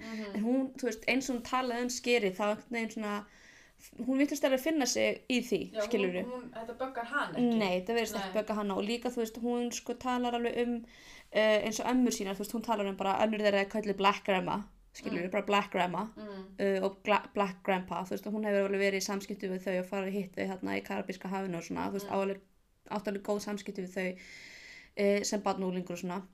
Og hérna, þú veist, hún tengir alveg við báða þessa hluta í sér, skiluru og hún veit einmitt, þú veist, hún bara, ég sá alveg fólk þegar ég var kannski eitthvað einn úti með mömmu að fólk eru að horfa á, okkur er hvítakóran með svarta barni, eða brúna barni, hún kallaði þess alltaf brown, sem Mm. náttúrulega eftir nafnið hennar líka. Já, en hérna, þú veist en hún segir oft líka bara þegar hún var kannski á svona sínum lowest moments að það notaði hún pínu þetta bara, nei, þú veist, ég er scary spice skilur Mm. til þess að peppa sig, bara, nei, þú veist þú verður bara, ég, I'm scary spice mm. þú veist, ekkert svona rugl, bara heldum áfram til þess að, svona, þú veist, já, já, já, valdefla svona smá. Já. Já, veist, þannig og hún talaði einmitt um það, þú veist, þetta girl power dæmi var líka svo persónulegt fyrir þær, skilur Mhm. þær voru ekkert bara empowering all of us, heldur líka bara inn á við, skilur. Akkurat, einmitt. En þú veist, ég er alveg sammála, ég menna, þú veist, það er svo sem alveg spurning hvernig þetta kemur til og hvað the 90s voru að gera og allt það, skilur mm, mm Þú veist, þegar maður horfir á þetta núna, það er maður bara, já, litla ljósara það er baby Já, einmitt. og svarta með krullunar er scary. Akkurat. Af því að svo er, þú veist, eins og Jerry Halliwell er líka alveg svona hávær og stórt hár og eitthvað, en hún er ginger spice af því að hún er með rauð Rauðhærð. Já, einmitt, akkurat. Og er smá spicy, Já, skilur einmitt, við, maður svona, ok, Mér finnst nefnilega það svo fyndið því að hitt eru skiluru Þú veist, ok, baby er náttúrulega ekki lýsingur úr þannig Nei, nei. Hitt er svona meiri persónuleiki. svona lýsingarorð bara, þú ert íþróttatýpa þú ert svolítið snobbuð þú ert, þú veist, sæt og ljósar bara, þú ert basically Marilyn Monroe, Já. but you're a baby skilur Betty, Betty Boop, eitthvað dæmi og þú ert hávær og scary og svo ert þú, já, hvað Þú ert rauðhærð. Þú ert rauðhærð eins og það sé, that's the whole thing það sé persónuleiki. that's the tweet Já, that's- já, send tweet, einmitt. Ef veitum maður svona, en hvað, þú veist, en, hvað, hvað er það? Já. Skilurðu? Ok, Ég tók um mitt líka tímabil þar sem ég vildi vera Ginger Spice uh, af því að mér fannst hérna, Union Jack já, uh, kjóllinn svo geðveikur og ég vildi bara eiga hann. Hann er náttúrulega bara the stuff of museums Ja, absolutt. Bara hundrað sko, Absolutt. 100% Já. En þú veist, ég, eins og ég segi, ég gæti haldið áfram að tala um hana veist, Mm. hún hérna er líka fór eins og oft vill gerast í bara er mikið í svona charities tengdum Mm. domestic violence og þannig núna og er einmitt hérna veist í, í november 2018 þá þú veist svona became a patron uh, of the domestic violence survivors charity women's aid Mm. svona, já, mm Láta gott af sér leiða. Já. Mm uh, já, og hún er bara svona þú veist, svo er hún núna bara eitthvað með krakkana að reyna að klára, þú veist hún fór líka, ég, ég glemd að klára að lesa það og hún myndist ekkert á það í bókinni. Það var eitthvað með barnapíuna þeirra og að þau hefðu gert samning um sagt, þegar þau skildu að þessi barnapía kæmi ekki nálat börnunum hennar en svo sást ykkur mynd af honum og þessari barnapíu saman með börnin eða Mm. með hérna Madison og hún er alveg brjálið það þannig að hún er líka í málaferlinu við þessa barnapíu og eitthvað Mm. þannig að þú veist maður bara svona já hún talaði mitt um einhver staðar ég man ekki hvar en þú veist það tengist líka eitthvað því að veist það, þau hafa sofið hjá þessari barnapíu já, já. og þetta er ekki þú veist ung stelpa, þetta er ekki þú veist babysitter heldur Nei. þú veist þetta er fullinu kona Já. skilur uh, þannig að það er kannski eitthvað svona framhjáhalds já, já. power dæmi í gangi þar Þannig að það er líka bara hennar réttur að bara velja það hvaða fólk er að umgangast börnin hennar og, og upp börnin hennar. Absolutt Ég mani mitt eftir, einmitt, maður er ekkert kannski mikið búin að vera að pæla í, skilur, hvað þær eru búin að vera að gera, að langt mest búið að heyrast af, af Vilk. Vilk og David Uh, hérna, og þau eru mest búin að vera svona í deglunni, skilur Mhm. en ég mani mitt þegar að, va, að va, ég vissi að hún væri með hennan raunveruleika þátt þarna for a hot second. Já, það er eitthvað sem hann vildi sérst gera, Stephen Já, ok. Það var bara, hann vildi fara the Kardashian way Já, það meikar sens. Mhm. Líka bara að sína, það, er, er þá greinilega hans leið til að sína bara, þú veist, hei, það er, það er allt í góðu hér, Akkurat En það kom sett einhvern tíman upp, þú veist, þetta var alltaf svona, þú veist, pressan var svona, na, það er eitthvað skrítið hér, skilur við, það er eitthvað svona, þú veist, þau eru oft alltaf mikið að rífast og, og það er svona, Mhm. þú veist, er þetta, er þetta hérna tilbúið fyrir þættina eða er Mhm. þetta bara the real deal, skilur við? Og var einhvern tíman sem ég horfði á einhver bútur þar sem að hún er svo augljóslega drukkin sko og bara livjuð á því greið konan skilur og hann er bara að út húðinni fyrir bara eitthvað þú veist eitthvað svona asnalegt bara eitthvað því hún vaskaði ekki upp eitthvað svona asnalegt dæmi Mhm. skilur og þú veist hugsaði þér að vera í þessum aðstæðum skilur þú ert búin að komitta í eitthvað svona þú veist í þessu sambandi skilur þetta er náttúrulega þá mæntalega áður en að þessi sjálfsvíkstilurinn á sér stað Mhm. og allt það Já, já og þú ert bara þú veist fyrir, fyrir allra augum Mhm. einhvern veginn Mhm. Þú veist það er eins og hvernig Kardashian fjölskyldan gerir þetta þú veist við vitum alltaf hvað er í gangi og það er leist úr öllu í þáttum Já, það já. er ekki lengur þannig sé verið að reyna að glossa yfir hluti sem eru komnir out in the public Já, skilurðu. sem voru í Já. koma hvort sem er í koma fréttir hvort sem já. er í fréttir skilur þannig að það er reynd að takast á við það í þáttum Mhm. mm en þetta var svo augljóslega svona þú veist, þú veist það er allt skilur og svo óþægilegt að horfa á þetta því að þú veist, maður er bara svona þetta, þetta var allt annað heldur en að horfa einmitt bara á Kardashian fjölskylduna þar sem þú ert bara já, ég er búin að vera partur af lífi þessum fólks í, þú veist, tíu ár? Já, já, og bara in their most private moments og bara það er það sem þau vilja. En þarna var ég svona, ég á ekki að vera inn í þessu samtali. Já, akkurat. Þetta, er- þetta, þessi myndavel á ekki að vera þetta, þarna ég á ekki að vera sjá þetta Nei, sko. akkurat, algjörlega. Þetta er bara svona, þú finnur bara stemmaran einhvern veginn í herbygginu, mm. skilur og þú það var alveg vitað allan tíman meðan þau voru saman að þetta, þessi maður er fáviti sko, Mhm. og hann er ég segi, það hötu hann allir En pældu samt í því að vera með manni sem, eða mannesku bara sem allir, þú bara hvernig, hvernig, þú veist, í, nú, og nú er ég ekki að gera lítið úr fólki sem fer í Nei, nei. ofbeldissamband, skilu, ég bara hef aldrei verið í ofbeldissamband en ég skil þetta ekki, fatturu, uh, en ég ber fullar virðing, fullar virðingu fyrir þessu, en á sama tíma finnst mann svo erfitt að, það er ótrúlega, ég held að það sé ótrúlega erfitt að mynda að skilja þetta þegar maður hefur ekki verið í þessum aðstæðum því þetta er bara, þú veist þetta er svo, þetta er þú veist, ofbeldur minn eru svo góðir í því sem þeir gera, eða skilur, þú veist, þeir eru svo ótrúlega lúmskir Mhm. og þú veist, þeir náttúrulega rífa þig hægt niður mm þú veist, þeir byrja hægt -hmm, skilur mm og svo ertu bara einhvern veginn komin í einhver aðstæður já, svo er bara eins og svona, varst að segja, þú ert bara komin of langt, já, skilur, þú ert komin með börn, þú ert komin með hús, þú ert komin í eitthvað way of life, Já. skilur, og þú ert bara, og þú hvernig klórið ég mig upp úr þessu, Akkurat, og þú ert með mann sem er að hóta að byrta kynlífsmyndbönda, þú veist, hundruði kynlífsmyndbönda. og svo er það sorglegast í heimi að þegar hún veist, finnur það hjá sjálfur sér bara nei, þetta er búið, nú ætlum ég að fara þá bara, mm, Getur það ekki. ekki Akkurat. ógeðslegt Og hérna, ég vil minnast að það að hann hefur sjálfsögðu neitað öllum þessum ásökunum. hann er svo góður Ömmit, og árétta það þótt að ég viti að, að, viti að þið vitið að þú veist, we believe survivors alltaf, Mm, bara þú veist, þessi bók er rosaleg, þessi frásögn er rosaleg og hún er mitt sýnir mann líka og eins og hún talar um bara, þú veist, það getur hver sem er Mhm. lendi í þessu, þú veist, Mhm. scary spice, girl Mhm. power, mm þú veist, -hmm. getur lendi í þessu Mm -hmm. og þú veist, það verður bara, þú veist, sumir, ég man, ég man ekki hverju sagði, það var einhver staðar einhver að tala um, um daginn á einhverju Facebook-hópi eða eitthvað, sett eitthvað svona, "Eh, besta vinkonum mín hætti að vera besta vinkonum mín því að ég var, veist, átti kæristu sem var, hérna, abuser og allir voru eitthvað, já, þú getur samt ekki, þetta er ekki svart og hvítt Nei. skilur þú veist þannig að maður getur ekki, ekki bleima fjölskyldunina fyrir að innan gæslepa yfirgefana eða Mhm. þú veist þetta rifta milli þeirra þegar við vorum Nei, ekki kemur að því að báðir aðilar hafa fengið sér full satta skilur, þú veist, það kemur að því ef þú getur ekki,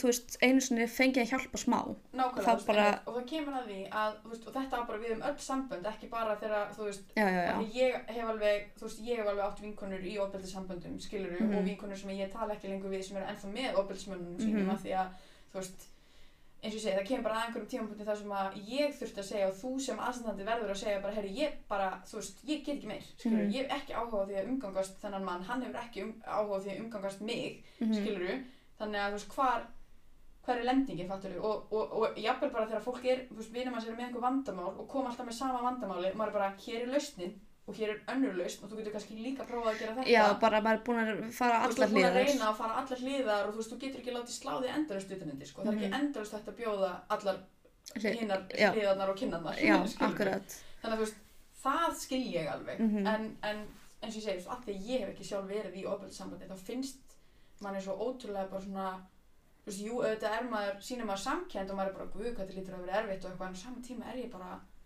og bara, og bara, Einmitt, oh þeir, þetta er ekki svona hvernig gastu láta þetta gerast heldur bara en hvernig gerðist þetta? Já, þú veist, Skilurðu? hvernig kemst maður í þessar aðstæð og svo verður þetta á, hlýtur þetta að vera á einhverjum tímapunkti bara orðið bara what, þú þú bara hvernig vindur ofan á þessu? hvernig á ég að laga þetta Já. skilur og líka og koma mér út úr já, þessu þú veist, sérstaklega þegar það er búið að brjóta náttúrulega allt sjálfstrustið og, og alla getuðina niður fattur og þú Mhm. veist bara komin í áfengi og dópið og þunglindi og þú veist það gerir þetta náttúrulega allt ennþá Mhm. erfiðar og flóknar á verra og skilurðu. svo er eigið badd og saman svo er þið badd saman og hann er með allar þessar kynlífs þú veist, spólur og bara Mhm, og stjórnar bara öllu sem þú gerir já, akkurat, og, einmitt, og svo ertu líka búin að þarna eins og, eins og þú komst inn og skilur ofbildið sem hann gera er að, að, að einangra þig frá vinum þínum og fjölskyldunum og fólkinu sem þú getur treyst. Svo að þegar að það kemur eitthvað upp á að þá getur þú náttúrulega ekki farið til þeirra því þau eru bara það eru lokaði dyr hér. Já, eða þá að þér líður bara fokk Að þú myndir ekki, ekki farið þorir með ekki. skottið lappana akkurat. ekki nei, akkurat. Þú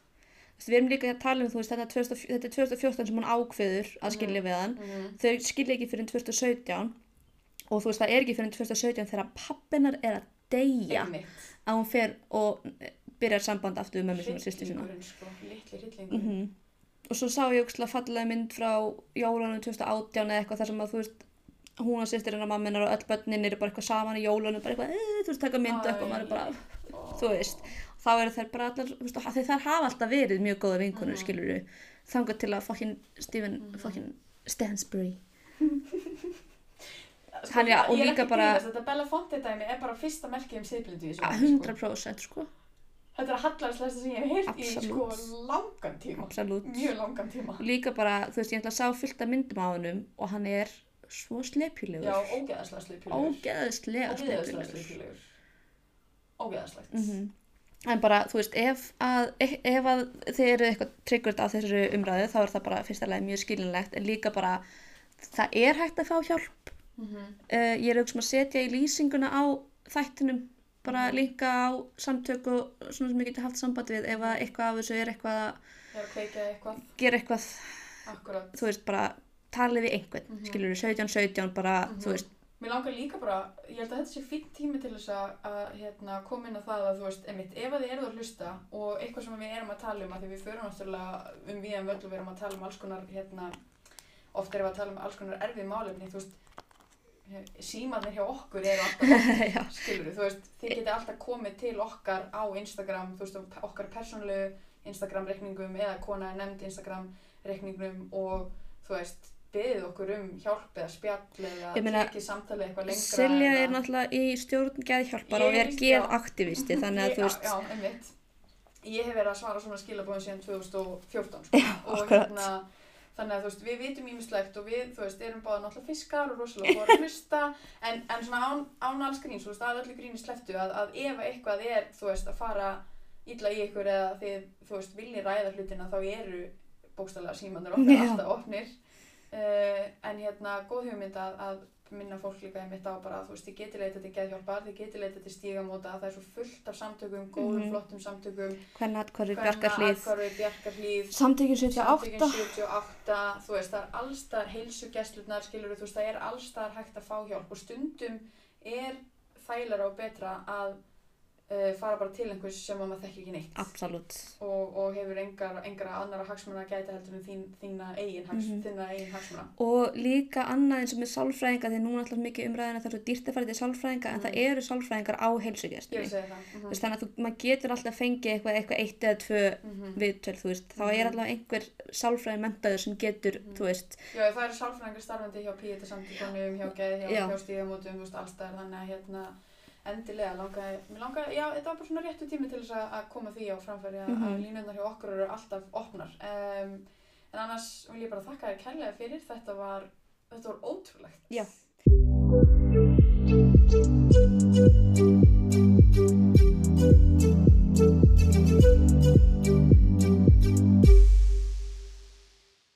Já, heyrðu, ég ætla að segja ykkur frá því að kona er nefnd Shirley Bassey. Shirley Bassey og Shirley Veronica Bassey er fætt þann 8. janúar á 1937 hún er reyndar velsk en ég bara get ekki for the life of me verið með velskan hreim skiluru, ég bjó í mjög posskverfi í, í Breitlandi á sínum tíma, eða í London en hérna, hún er sérst já, velsk sönguna og mistarasnýlingur um, og bara kvílíkt íkon. En hún er sem sagt uh, þekktust fyrir að hafa sungið þrjú af vinsælustu uh, bondlögunum Ú, Já, mm og þú ætti eftir að fatta það þegar ég tala, þú ætti eftir að vera bara já þegar ég segir það eftir. Um, hún er sérst líka, eða hún er sérst söngkona og þekkt fyrir svona mjög tjáningarmikla og hljómþýða rödd og svona, þú veist, svolítið svona flamboyance og svona, þú veist, svona theatrical, hérna, performansa. Um, og hún er fyrsta manneskjan af velskum uppruna sem hlýtur fyrsta sæti á topplista uh, í UK sagt, ná, náði fyrsta sæti með einhverjum singul þarna. Já. og ég ætla bara að segja ykkur það að þessi kona er Squeeze. Hún er Certified Squeeze, hún er 83 ára Certified Squeeze. Meistarakona. Og Wikipedia uh, greinin hennar var svo ógeðslega þurr og leiðinleg að því ég las fyrst um hana og ég var eitthvað svona, já, hm, eitthvað bondsönguna, hm, eitthvað svona, hm, smá, og las eitthvað, eitthvað svona, eitthvað, eitthvað setningu eftir hann sem var svona smá sassy, þannig ég var eitthvað, já, ég er til í smá sassy. Já, síndi mér einhverja myndan líka sem hún er með bara Já, spurði mig hvað, ég, ég held að hún var gömul í eitthvað, hún gæti verið 40, hún gæti verið millir 60 og 70, hún bara 83 ára, hún sérst postaði mynd á Instagrami sitt í bara um daginn þar sem hún stendur í einhverjum svona, einhverjum svona óksla fancy, einhverjum sal, einhverjum giltum sal. Já, þú og er einhverjum giltum palléttu galakjól með palléttu hérna, grímu og er bara eitthvað verandi 83 ára. Og ég var bara, ég líti ekki einu sinni svona gutt 28 ára sko. Uh, en hérna, já, Wikipedia-grein hennar var alveg bara, svona freka bara þurr. Þú veist, þetta var bara þurr upptalning á einhverjum vinsaldalögum og einhver svona lala og ég var bara svona, oh my god, hvað þetta er fucking þú veist, þetta er alveg þetta er alveg, þetta er alveg afreg, en djúvel er þetta leiðinlegt. Já, já. þetta er boring, skiluru þannig ég komst yfir heimildamynd frá 2001 um hana á YouTube og þessi heimildamynd spills the tea the tea is hot and it has been spilled Já. Þannig að við ætlum að byrja bara á byrjuninni. Hún fættist þarna árið 1937. Hún er yngsta barn þeirra Henry Bassey og Eliza Jane Stott en Henry er frá Nígerju og mammenar er fætt í Teesside á Englandi. Teesside, já, on the Teesside. Hversu brest er það nafn? En ég Teesside. var að segja, Mm. Hún, það er líklega að hún myndi þekka Andy, Coach. Það er líklega að hún myndi þekka Andy Coates. Hún hefði, hún hefði haft einhver samskipti við hann Andy Coates. Andy Coates Paybody uh, það komur endur ekki fram, getur vel verið sko. en hérna, já eins og segi hún er sérst líka af blöndum uppruna pappinar er frá Nígeríu og sko það kom ekkert fram hvenar, hvenar mamminar og pappi væru fætt en mamminar leit út fyrir að vera alveg tölvört mikið eldri heldur en pappinar Mm. og hún var alveg bara svona ensk kona, ensk millistjættar, þú veist, bara svona æ, þú veist, bara svona Já. pílindi svona frumpuleg, Já, bara já. svona, þú veist, rosalega svona, hm, skilur Já. alltaf svona hálf svona pyrruði framann einhvern veginn svona þetta stiff upper lip einhvern veginn en allavega þau sem sagt, já uh, hún er yngsta bat þeirra hjóna þau byggu saman í Cardiff í Wales sem að var þá stærsta hafnarborg í Evrópu og þá voru að koma skip hvaðanæfa að Já. og stundum eins og í tilfelli uh, Shirley þá komu sjómenn og settust að og eignust enskar konur. Það var sérst það sem gerðist í tilfelli fóreldrennar. Já. Uh, en hún ásæðast sjö sískinni, pappin er átt í börn og mammin er átt í börn þegar þau kynnast um, en hún elst upp með tveimur af fjórum börnum mömminar Mhm, á heimilinu mhm. og þau byggu í hverfi Átti hann það börn í Nígeríu? sko, það, já, Það örglega, þú veist, það kom ekkert fram hvar þau voru eða hvað þau voru gömul eða þá vantilega sískin hennar mömmu megin alveg hvít. Uh, já, það kom heldur ekki fram hvort hún hefði átt svartan mann áður, Nei. skiluru en sagt, varðandi, þau byggu sérst í hverfi sem heitir Tiger Bay sem er voða sassy fyrir England, eða þú veist, Wales árið Já. 1930 og eitthvað, skiluru Get ekki ímynda mér sem mikið tigers in that Not day. a lot of tigers en hérna, þetta var sérst mjög þekkt svona fjölmenningar hverfi það, Mm. af því að þú veist þetta var Hafnarborg eins og gengur og gerist í Hafnarborgum þú veist það er bara allra, allra þjóða kvikindi sem stoppa þar og var mjög mikið af börnum af, og bara fólki af blöndum uppruna, mikið af svörtu fólki fólki frá, þú veist, Indlandi Mhm. svona hvaðanæfa að og þarna verður til svona fjölmenningar pottur af þú veist tónlist og menningu og þú veist eins og ég segi bara fjölmenning, what a concept því Þegar ég hugsa um Wales þá hugsa ég ekki um Nei. fjölmenningu Nei. eða suður pott af Nei. mismunandi menningu. nei, ég hugsa bara um stale white bread, skilur kindur. Já, einmitt, akkurat, en hérna, en þú veist, það var sérst í þessari heimildamönd verið að tala við, þú veist, gamlar vinkonur hennar og nágrann hennar og eitthvað svona, og þú veist, og það virtist vera svona, þú veist, það virtist vera mjög mikil stemmari í þessu hverfi, skiluru, Mhm. þannig að eins og ég segi, bara fjölmenning er, er þegar hún, þetta er bara, what a concept, já, akkurat, og hún, Shirley, elst upp við þetta svona menningar fjölkæri, ef svo má orðið komast, Nice. og um, það er eitt, eitt fyndi sem að, Það er líka fyndið að tala um, um mömmunar að hún lítur svona frumbulega millistættir Englands einhvern veginn út svo er hún bara, herri já, ég ætla að eiga hérna svartan mann og búa í fjölmenningakverfi í Wales já, einmitt, akkurat, Don't judge a book by its cover. Nákvæmlega en það er, var eitt sem var mjög fyndi og ég reyndi að komast svona til boss í þessu uh, en mamminar merti af einhverjum ástæðum fyrverandi eiginmann sinn sem hétt Alfred Metcalf uh, sem föður sinn þegar hún giftist Henry Mm. Sem sagt mamminar Eliza er bara eitthvað já Alfred Metcalf er pappi minn þegar ég er að giftast Henry sem þýðir Ok. að Eliza var tvíkvænt sem sagt gift tveimur Já. mönnum í einu Já. var ekki skilin við Alfred þegar hún giftist Henry og eins og ég segi það kemur ekki fram hvort að þetta hafi verið af einhverjum þú veist innan gæslega bara saklausum skatta ástæðum eða eitthvað, ekki skilja, eða, eða þú veist, þú mátt ekki skilja og gifta þig eða blati bla eða hvort þetta hafi verið bara straight up polygamy skilur við Já, já, bara, bara polyamory Já, bara- polyamory, menn ég, Já. þú veist uh, hérna, þetta hafi verið bara fjölkerri og bara allir voru bara með því, skilur Já, já, ég ætla að leifa mér að hafa það þannig. Það er canon núna. That's our head Já. Nú, kennarar og nefendur í grunnskóla Shirley tóku fljótt eftir því að hún var með þessa sterku og fallegu rödd um, en hún segir sjálf að það var ekki mikið um kvartningu að fá í skólanum. Uh, hún sagði, þú veist, mér var alltaf bara sagt að þegja. Meira að segja kórstjórin minn í skólanum sagði mér að halda aftur að mér. Ah, og stundum, þú veist, var hann að segja við hann svona, nei, skilur við, farðu aftar, farðu aftar. Þá kannski ég var bara komin bókstæðlega úr herberginu, skilur við og ég svona legg, legg ég hugsa að þetta sé svona svolítið út af því að hún hafi verið svört og hávær og kona og Mhm. feðraveldið, skilur og bara eitthvað svona, herðu, sitt þú, skilur um, þetta verður til þess að hún varð svona sem ullingur svolítið feimin og feimin við að syngja uh, feimin við að syngja heima og þá sögðu einhver saga í sér heimildamind þar sem hún eitthvað svona fór, þú veist, ef hún var beðin um að syngja kannski einhverju matabóði eða eitthvað, þá fór hún undir borðið og undir dúkin og var bara eitthvað syngjandi undir borði Æi um, og það var líka hérna talað um, þú veist, þrátt fyrir að þetta Tiger Bay samfélag hérna hafi verið svona þessi mikla menningar uh, þetta, þessi fjölmenning að það hafi verið samt ákveðin kolorismi í gangi og ákveðin goggunröð í gangi og ef þú átti pappa sem var, eða þú átti fóreldri sem var svartara heldur en Já, já. eitthvað annað, skilur þú þá að tala um ef, ef þú átti fóreldri frá the West Indies sem að eru náttúrulega líka var, er bresk nýlenda og þá varstu svona herra í goggunaröðinni, skiluru og þú veist, ef þú ættir dekkri fóreldra eða þú varst með flatara nef eða Mhm. þú veist, svona hár eða svona munn eða eitthvað, skiluru þá var bara kolorismi í gangi. Um, en hérna þannig að hún svona veist, og það kemur fram síðar í hennar lífi að hún svona uh, eins og margir kannski af blönduðum uppruna uh, lenda í eða upplifa er að þú veist vera svona korki nýja en bæði á sama tíma einhvern veginn svona fatt ekki alveg þú veist hvað er mitt auðkenni einhvern veginn.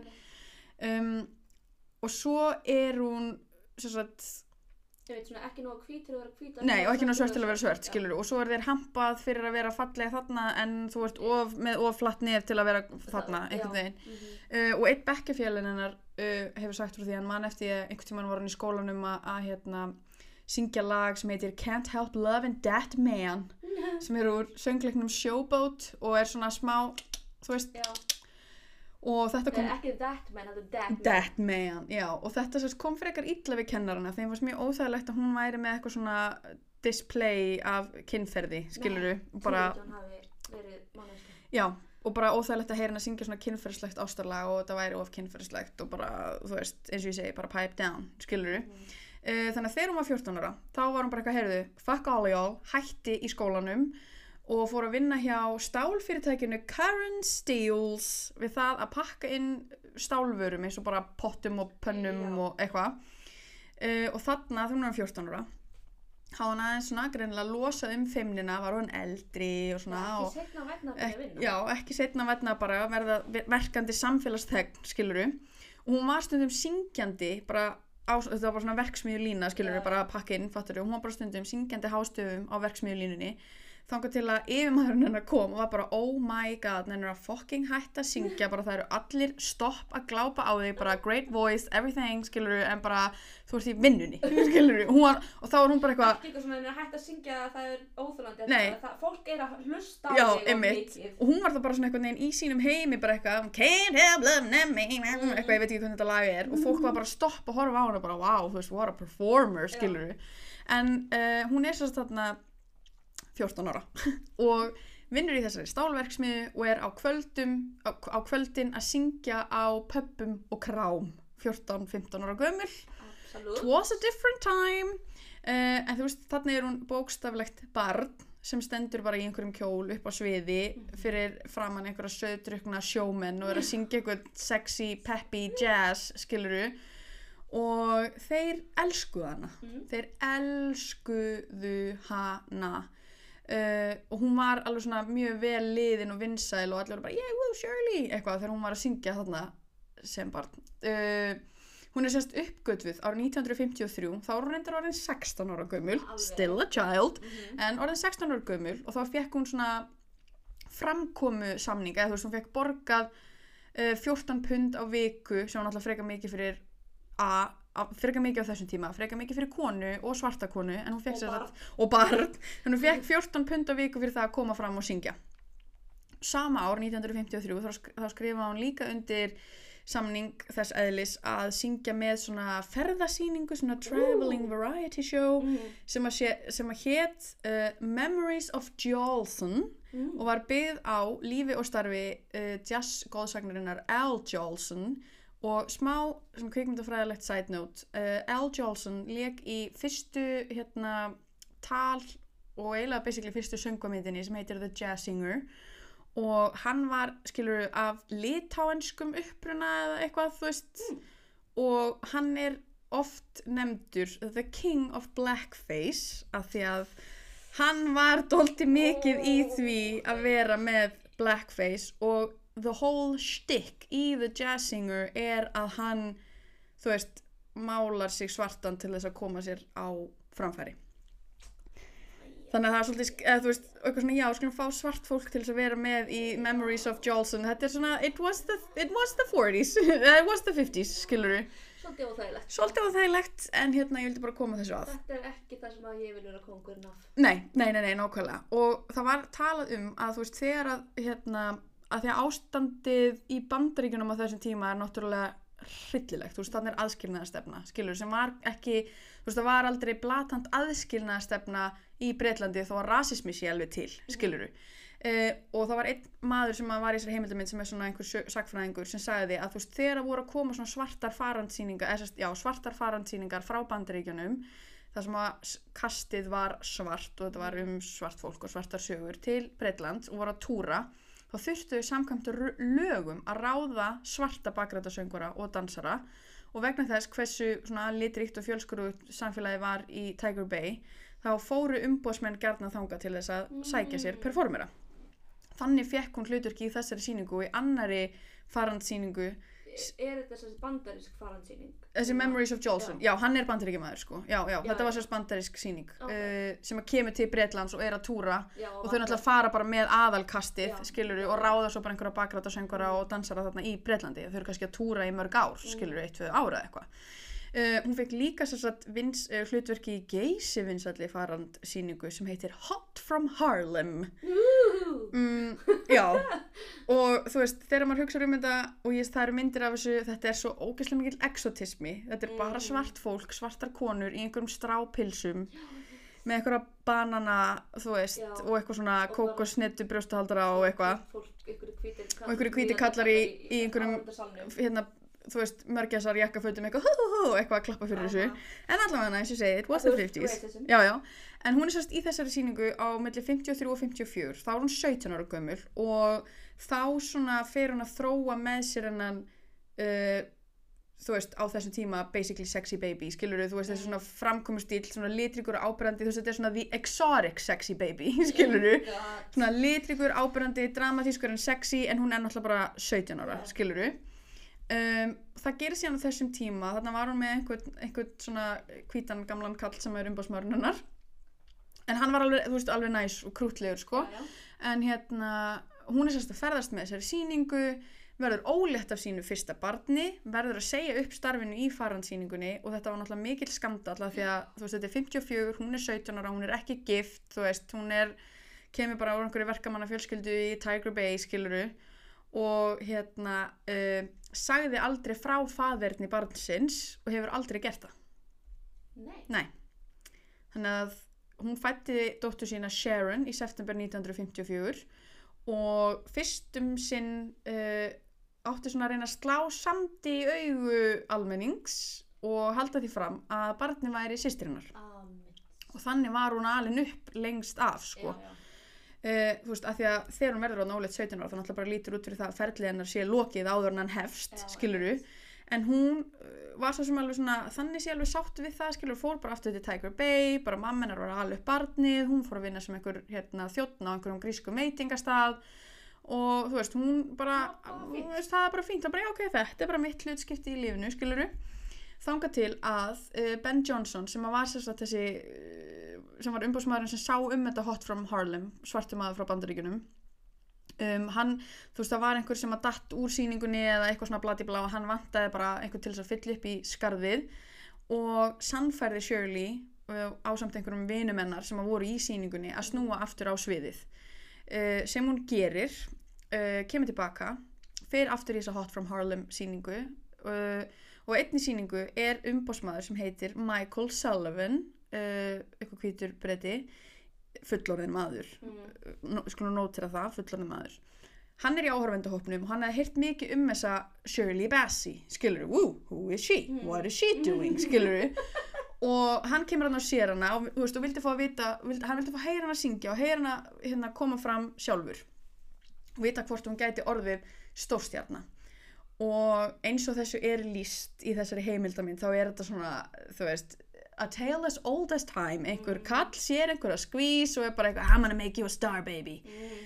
hann feist þess að og kynni sér fyrir Shirley í veistlu eftir sýninguna og segir við hana bara ég ætla að gera þig að stjörnu. I'm gonna make you a star. baby. Og hérna af einhverjum ástæðum hljóma svona menn alltaf uh, eins og ég sé frá New York í höstum á mér.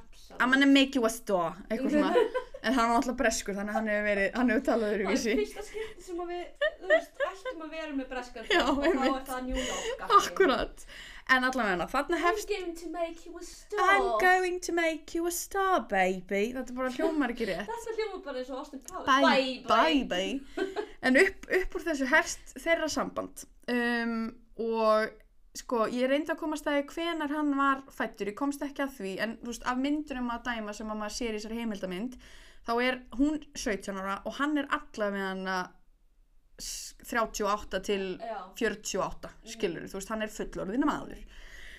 Þeirra samband hefst þarna. Uh, hann skrifar um þessi fyrstu kynni þeirra í sjálfsæfisögu sinni þar sem hann takes it upon himself að lýsa því í smá atriðum hvernig hann svaf hjá henni þetta kvöld.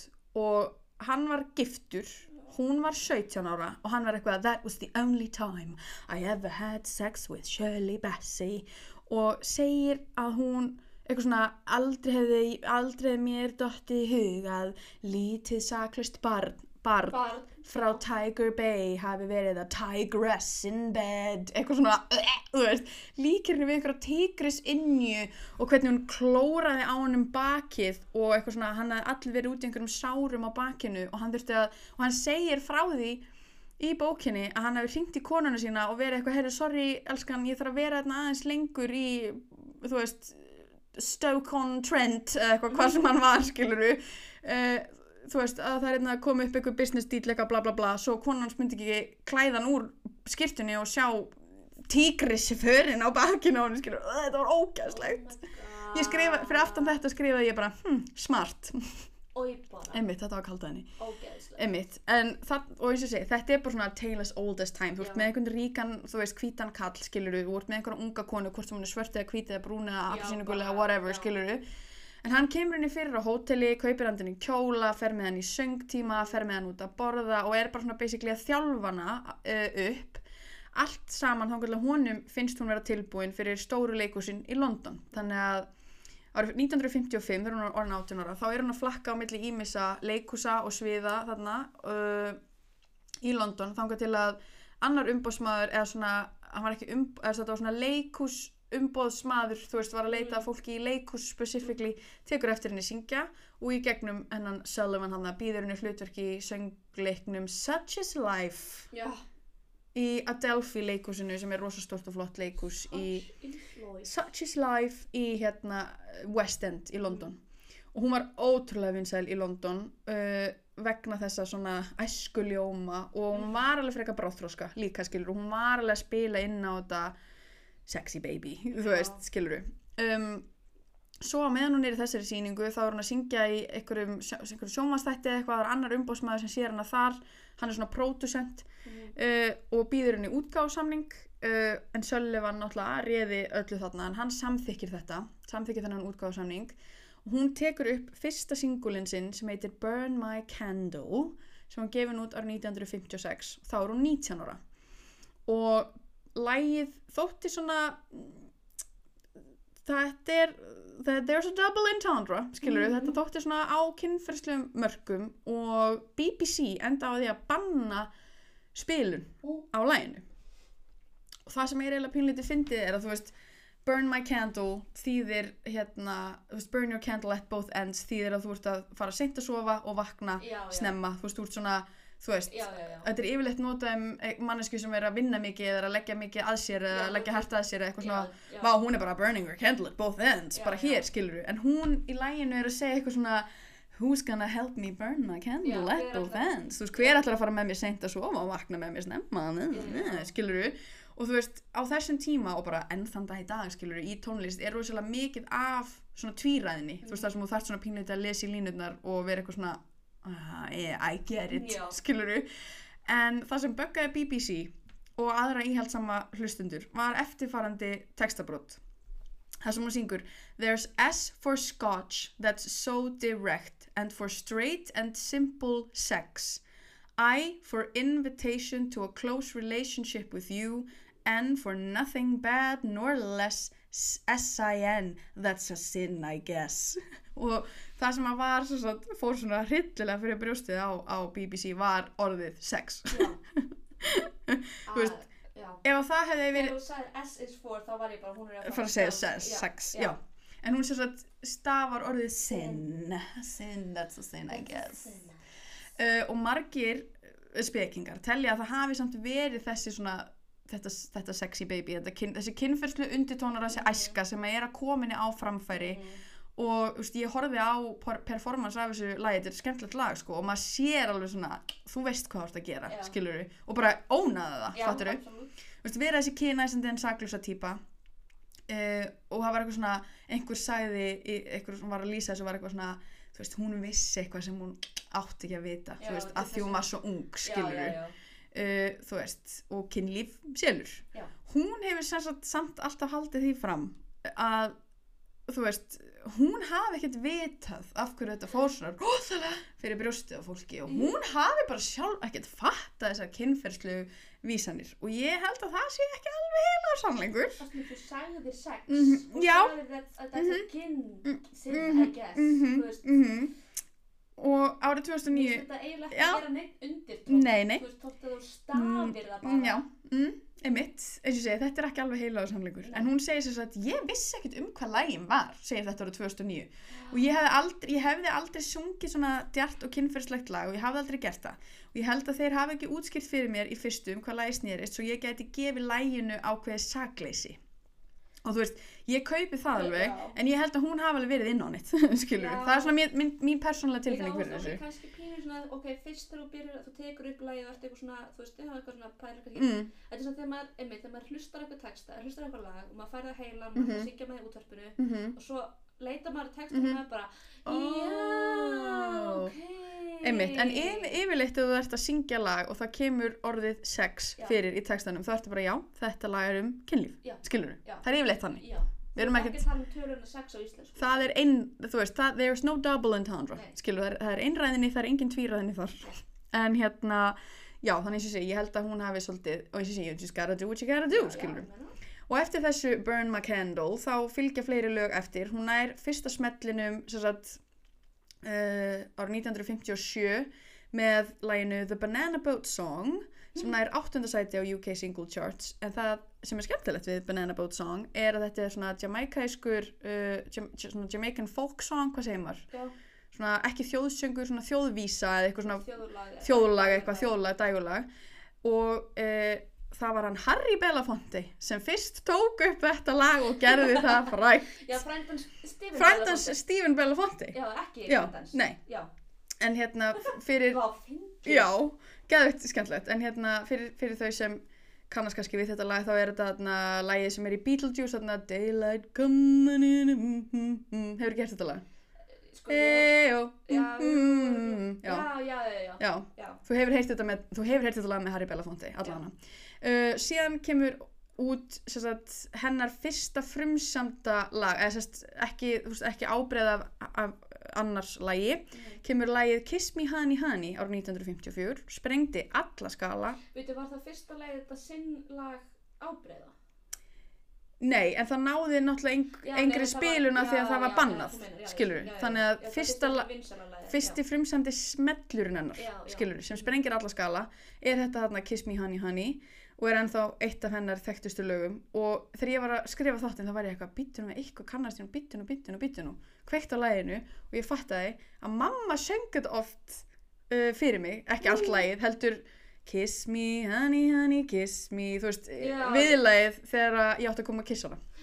Mér varst þetta krútlegt, ég finnst það sætt um, og sama ár hérna 1957 þá tekur hún upp lög fyrir Columbia Records sem er náttúrulega mjög stort plötufyrirtæki í bandaríkjunum kemur fyrst fram í bandaríkjunum að því að Sullivan var bara eitthvað heyrðu, Las Vegas, þar eru hlutinir að gerast við ætlum að fara til Las Vegas. Og hún fer á El Rancho. Já, Ryan. El Rancho hótelið í Las Vegas og á eftir uh, var að syngja þar á einhverjum uh, svona tónleikum og, og þar fylgja svona eftir nokkur hennar þekktustu lög og lög sem hann á bara öllum sætum og öllum vinsaldalistum og þá meðan hann er að syngja í Las Vegas þá kynnist hún góðsögninni Sammy Davis Jr. sem að var góðvinur Frank Sinatra og e, basically, þú veist, ógst hallast að segja það en á, veist, hann var svona svarti Frank Sinatra, Já, skiluru já, já. og átti þarna farsalan fyrir í, í uh, Vegas og hann hafði miklar mætur á henni þau eru strax mjög miklu vinir kom ekki fram, þú veist að hefði, að hefði var, held ég ekkert neitt romantíst þú veist á þau eru Nei. bara mjög góði vinir um, en hann þurfti svolítið svona að kenna henni eitt og annað um aðskilinaðstefnuna í bandaríkjunum á þessum tíma að því að hún valsaði bara upp um Já, allt og já. út um allt og fór bara í sundlaugina og þú veist, var bara ekkert að pæla og ekkert að spá hvita. Já, og sérstaklega sko í, á hótelunum og í kringum Mhm. hótelin þar sem að var eitthvað svona, þú veist, þessi sundlögu er bara fyrir hvíta, skiluru, Mhm. Og einhvern tímann var hún að spila á einhverju svona blackjack borði eða eitthvað skilur sem hún mátti ekki vera á einhverju lífverið kom og tók hana og þú veist og Sammy þurfti að vera bara eitthvað þetta er aðeins öðruvísi hér skiluru, Mhm. þú veist uh, við þurfum að vera einhver staðar annar staðar. En hún var bara sjálf eitthvað svona eins og ég var að segja á þann þú veist, já en ég er samt alveg hvít sko, Já, eða þú veist Já, og hún einhvern veginn, þú veist og eins og einhver kona í þessari heimildamind lísti, þú veist, það var ekkert svona black and proud eða black and beautiful eða eitthvað svona, þú veist, engin, það var engin hreyfinga en eitt að jú, rasismi var líf Breitlandi en stemmarinn er bara svo allt annar, skilur þannig að þú veist, þú einhvern veginn svona sást þig ekkert sem eitthvað svona, já þú veist, var- Black Panther eitthvað dæmi, skilur stefna, Nei, þú nei, þú veist, og hún náttúrulega er þarna af blönduðum uppruna og er alveg jæmt upp með hvítu fólki og svörtu fólki og West Indie people og bara allt hérna, skilur, Já. þannig að hún var bara eitthvað fyrir ekki okkur maður ekki bara verið þessu sundlug, Já, einmitt. þú veist, Maður bara Eh. aðeins spila blackjack hérna. einmitt, bara skills, djú veistu hver ég er, skilur þú, herru, svo er það árið 1959 að lægið hennar As I Love You skýrst upp á vinsaldalistan, situr þar í fjórar vikur og uh, það, þetta er einhver ann, þetta er sem sagt þessi listi sem ég var að tala um í byrjun þar sem hún er sérst fyrsta velska manneskjan sem á lag Mm. eftir þessum aðal vinsaldalista hérna í Breitlandi og þá kemur út platan hennar The Bewitching Miss Bessie Ú, og á þeirri plötu er bara smellur eftir smell.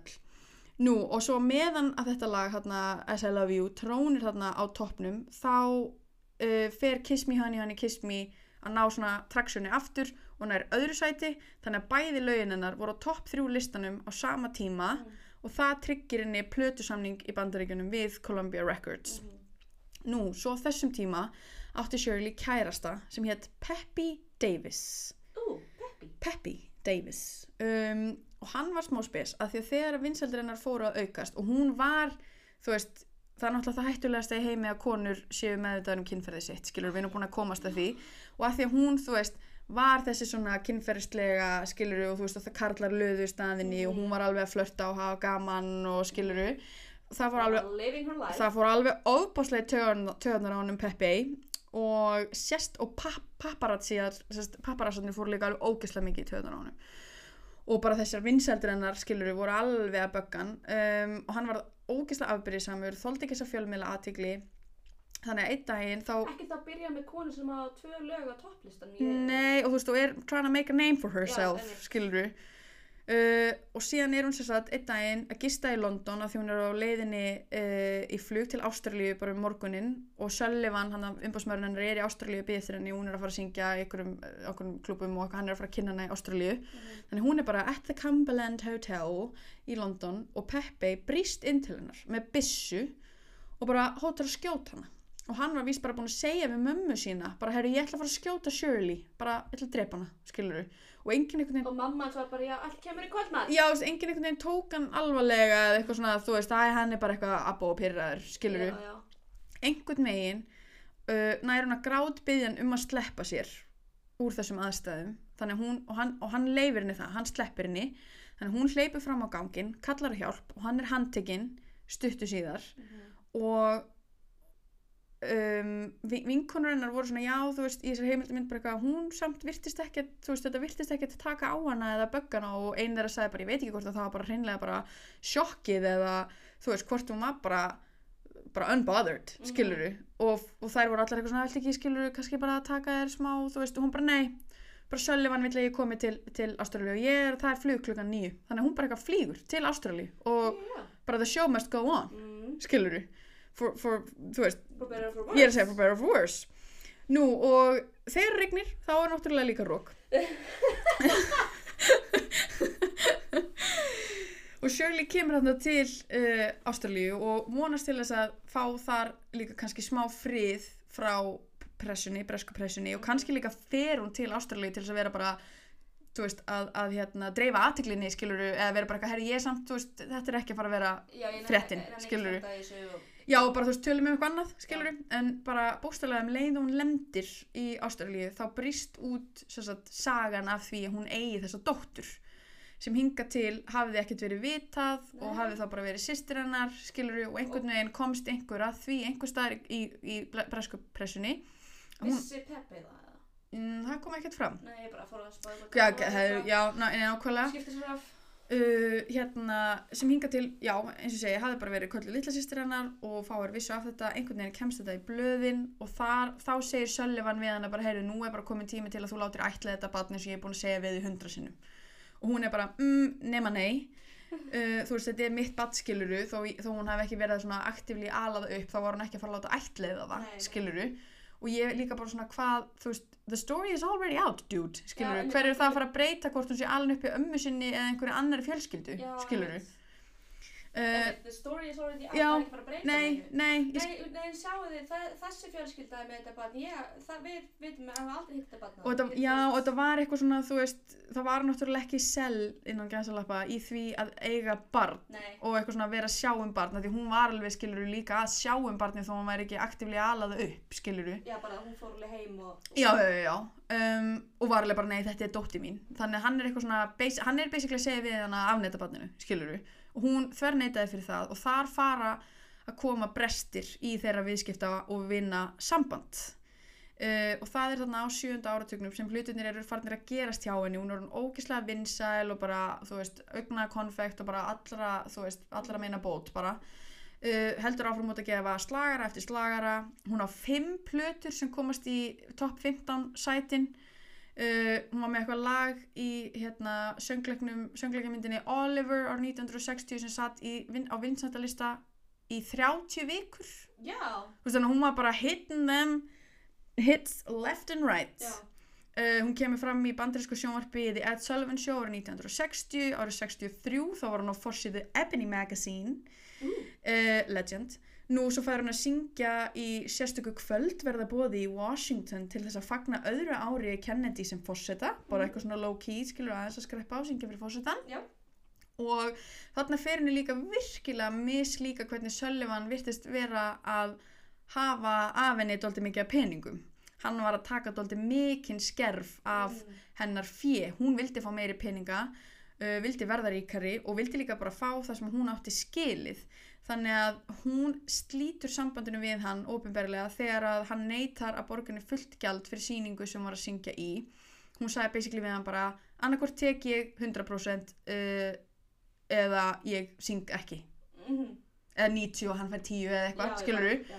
uh, og hann bara eitthvað mm, mm, mm, mm, mm, og hún bara já, nei, þegar ég er hætt í þessari síningu bye, bye. og þú veist, eins og þessu var líst í heimildamyndinni þá voru svona uh, fólki í kringum hann að segja svona já, veist, þarna var hún alltaf orðin eldri, reyndari, miklu vinsætli miklu svona, veist, áræðinari og, og, og svona veist, orðin sjálfstæðari skiluru, en hann leit alltaf á hana ennþá sem þessa 14-15 ára stelpu sem að hann þurfti basically bara að halda í hendina á, skiluru en hún slíti sambandinu við hann og það var svo sem ekki vandamál því það voru umbósmenn bara þú veist, bíðandi röðum eftir að fá sinninni, þannig að hún fæ sinni hann umbósmann Þú bara, ok, ég skal vera umbóðsmaðurinn og þú fær 100% og ég skal gefa þér peningun. já, bara sko sleikja á tefnar á meðan, skiluru nú og svo gerist það árið 1900 hún, já, en sest, þarna early 60s, þá hafði hún mikið sérst með uh, upprinnandi kvikmyndarleikstjóra og leikara sem heitir Kenneth Hume. Og það var svona já, þú veist, ok fólk var svona ekki kannski alveg að fíla hann hann var svona smá spes þau gifta sér síðan árið 1961 Mm. sem er algjörlega einkennilegt og, og kom mjög spánst fyrir sjónir uh, vina hennar af því að hann var mjög svo ofinberlega samkynniður Já, og held áfram að vera mjög svo ofinberlega samkynniður á meðan þeirra hjónabandi stóð ég meina, you do you boo. um, og mörgum fannst hann svona hafa frekar slæm áhrif á hana þú veist, hann var ekki næs og var ekki næs við hana þú veist, var náttúrulega bara svolítið skrítin stemmari skiluru, hann var líka endurlust á einhverjum hins einn klubum og eins og segja bara mjög svo út úr skápnum og þú veist, hittandi einhverja menn og eitthvað þannig að þetta kemur sér svona ekkert sérstaklega vel út, skiluru Nei, veist, og þetta er ekki eitthvað svona green card marriage þannig að maður skil Það er hægt að spinna þetta sem eitthvað ef þau voru gett góði vinir og væri bara lol við skulum gift okkur já, einmitt, en fólk sköttum Já, eða, veist, einmitt. en þetta er ekki að nei, þetta var allt svona Nei, einmitt og þú veist, það kom svona eh, virtist vera svona pínlítið þannig að hún hafi kannski verið pínlítið ástfangin af honum skilur þó Mm. þrátt fyrir allt saman sko en hann enda síðan á því að taka við sem umbósmaður hennar og tekur yfir bara öll hennar störf og vildi skapa eitthvað svona stórt nafn og stóra dífu. Og árið 1963 þá eignast Shirley aðra dóttur sem hún skýrði sammönðu en það lá ekki alveg fyrir hvort að Kenneth væri, ba væri basfæður hennar eða einhver annar. Mm. en hann er þarna bara að ala upp bæði Sharon og, og þá núna Samantha nú, svo gerist það árið 1964 að hún fær þann heiður, hún Shirley mín að syngja lag, titillag nýjustu bondmyndarinnar þriðja bondmyndin Goldfinger og er Shirley fyrsta konan og fyrsta svarta konan til þess að syngja bondlag og það var Goldfinger ógeðslega gott lag uh, bara the 60s ángríns og Sean Connery er Bond og bara, ó, þetta, var, þetta er fullkomna Bond erað allan uh, og þetta lag er sjúklega vinsælt. Sko, lagið, singullin seldist uh, mjög vel en platan sagt, uh, með kvikmyndatónlistinni seldist í bara eitthvað 6 miljón eintökum í bandaríkjunum, hún var mjög vinsæl í bandaríkjunum eftir þetta lag. Og það er mjög óvenjulegt á þessum tíma þetta er sko á hátindi breska popsins, þú veist, bíklarnir og allt þetta, þannig að það var mjög óvanalegt að plata með kvikmyndatónlist þar sem eina sungna lagið var þetta lag. Já, myndi seljast svona vel sko. Um, en uh, þau Shirley og Kenneth ákveða að skilja á borðu og sæng árið 1964 og skilja formlega árið 1965 eftir að uppkemst um framhjáhald Shirley skrítið því að maður hennar er samkynniður Ok, þannig að hann mátti vera bát hommi með einhverjum mönnum en hún, nei, ó, já, ég með, já, þú veist, já, já, nákvæmlega, en hún er sagt að halda við ennsk-ástralska leikaran Peter Finch. Hann var rosalega þekktur en var líka rosalega þekktur fyrir að uh, drekka. Hann var mjög mikið fyrir flöskuna. Og þau hófu sambanda meðan Shirley var ennþá gift Kenneth.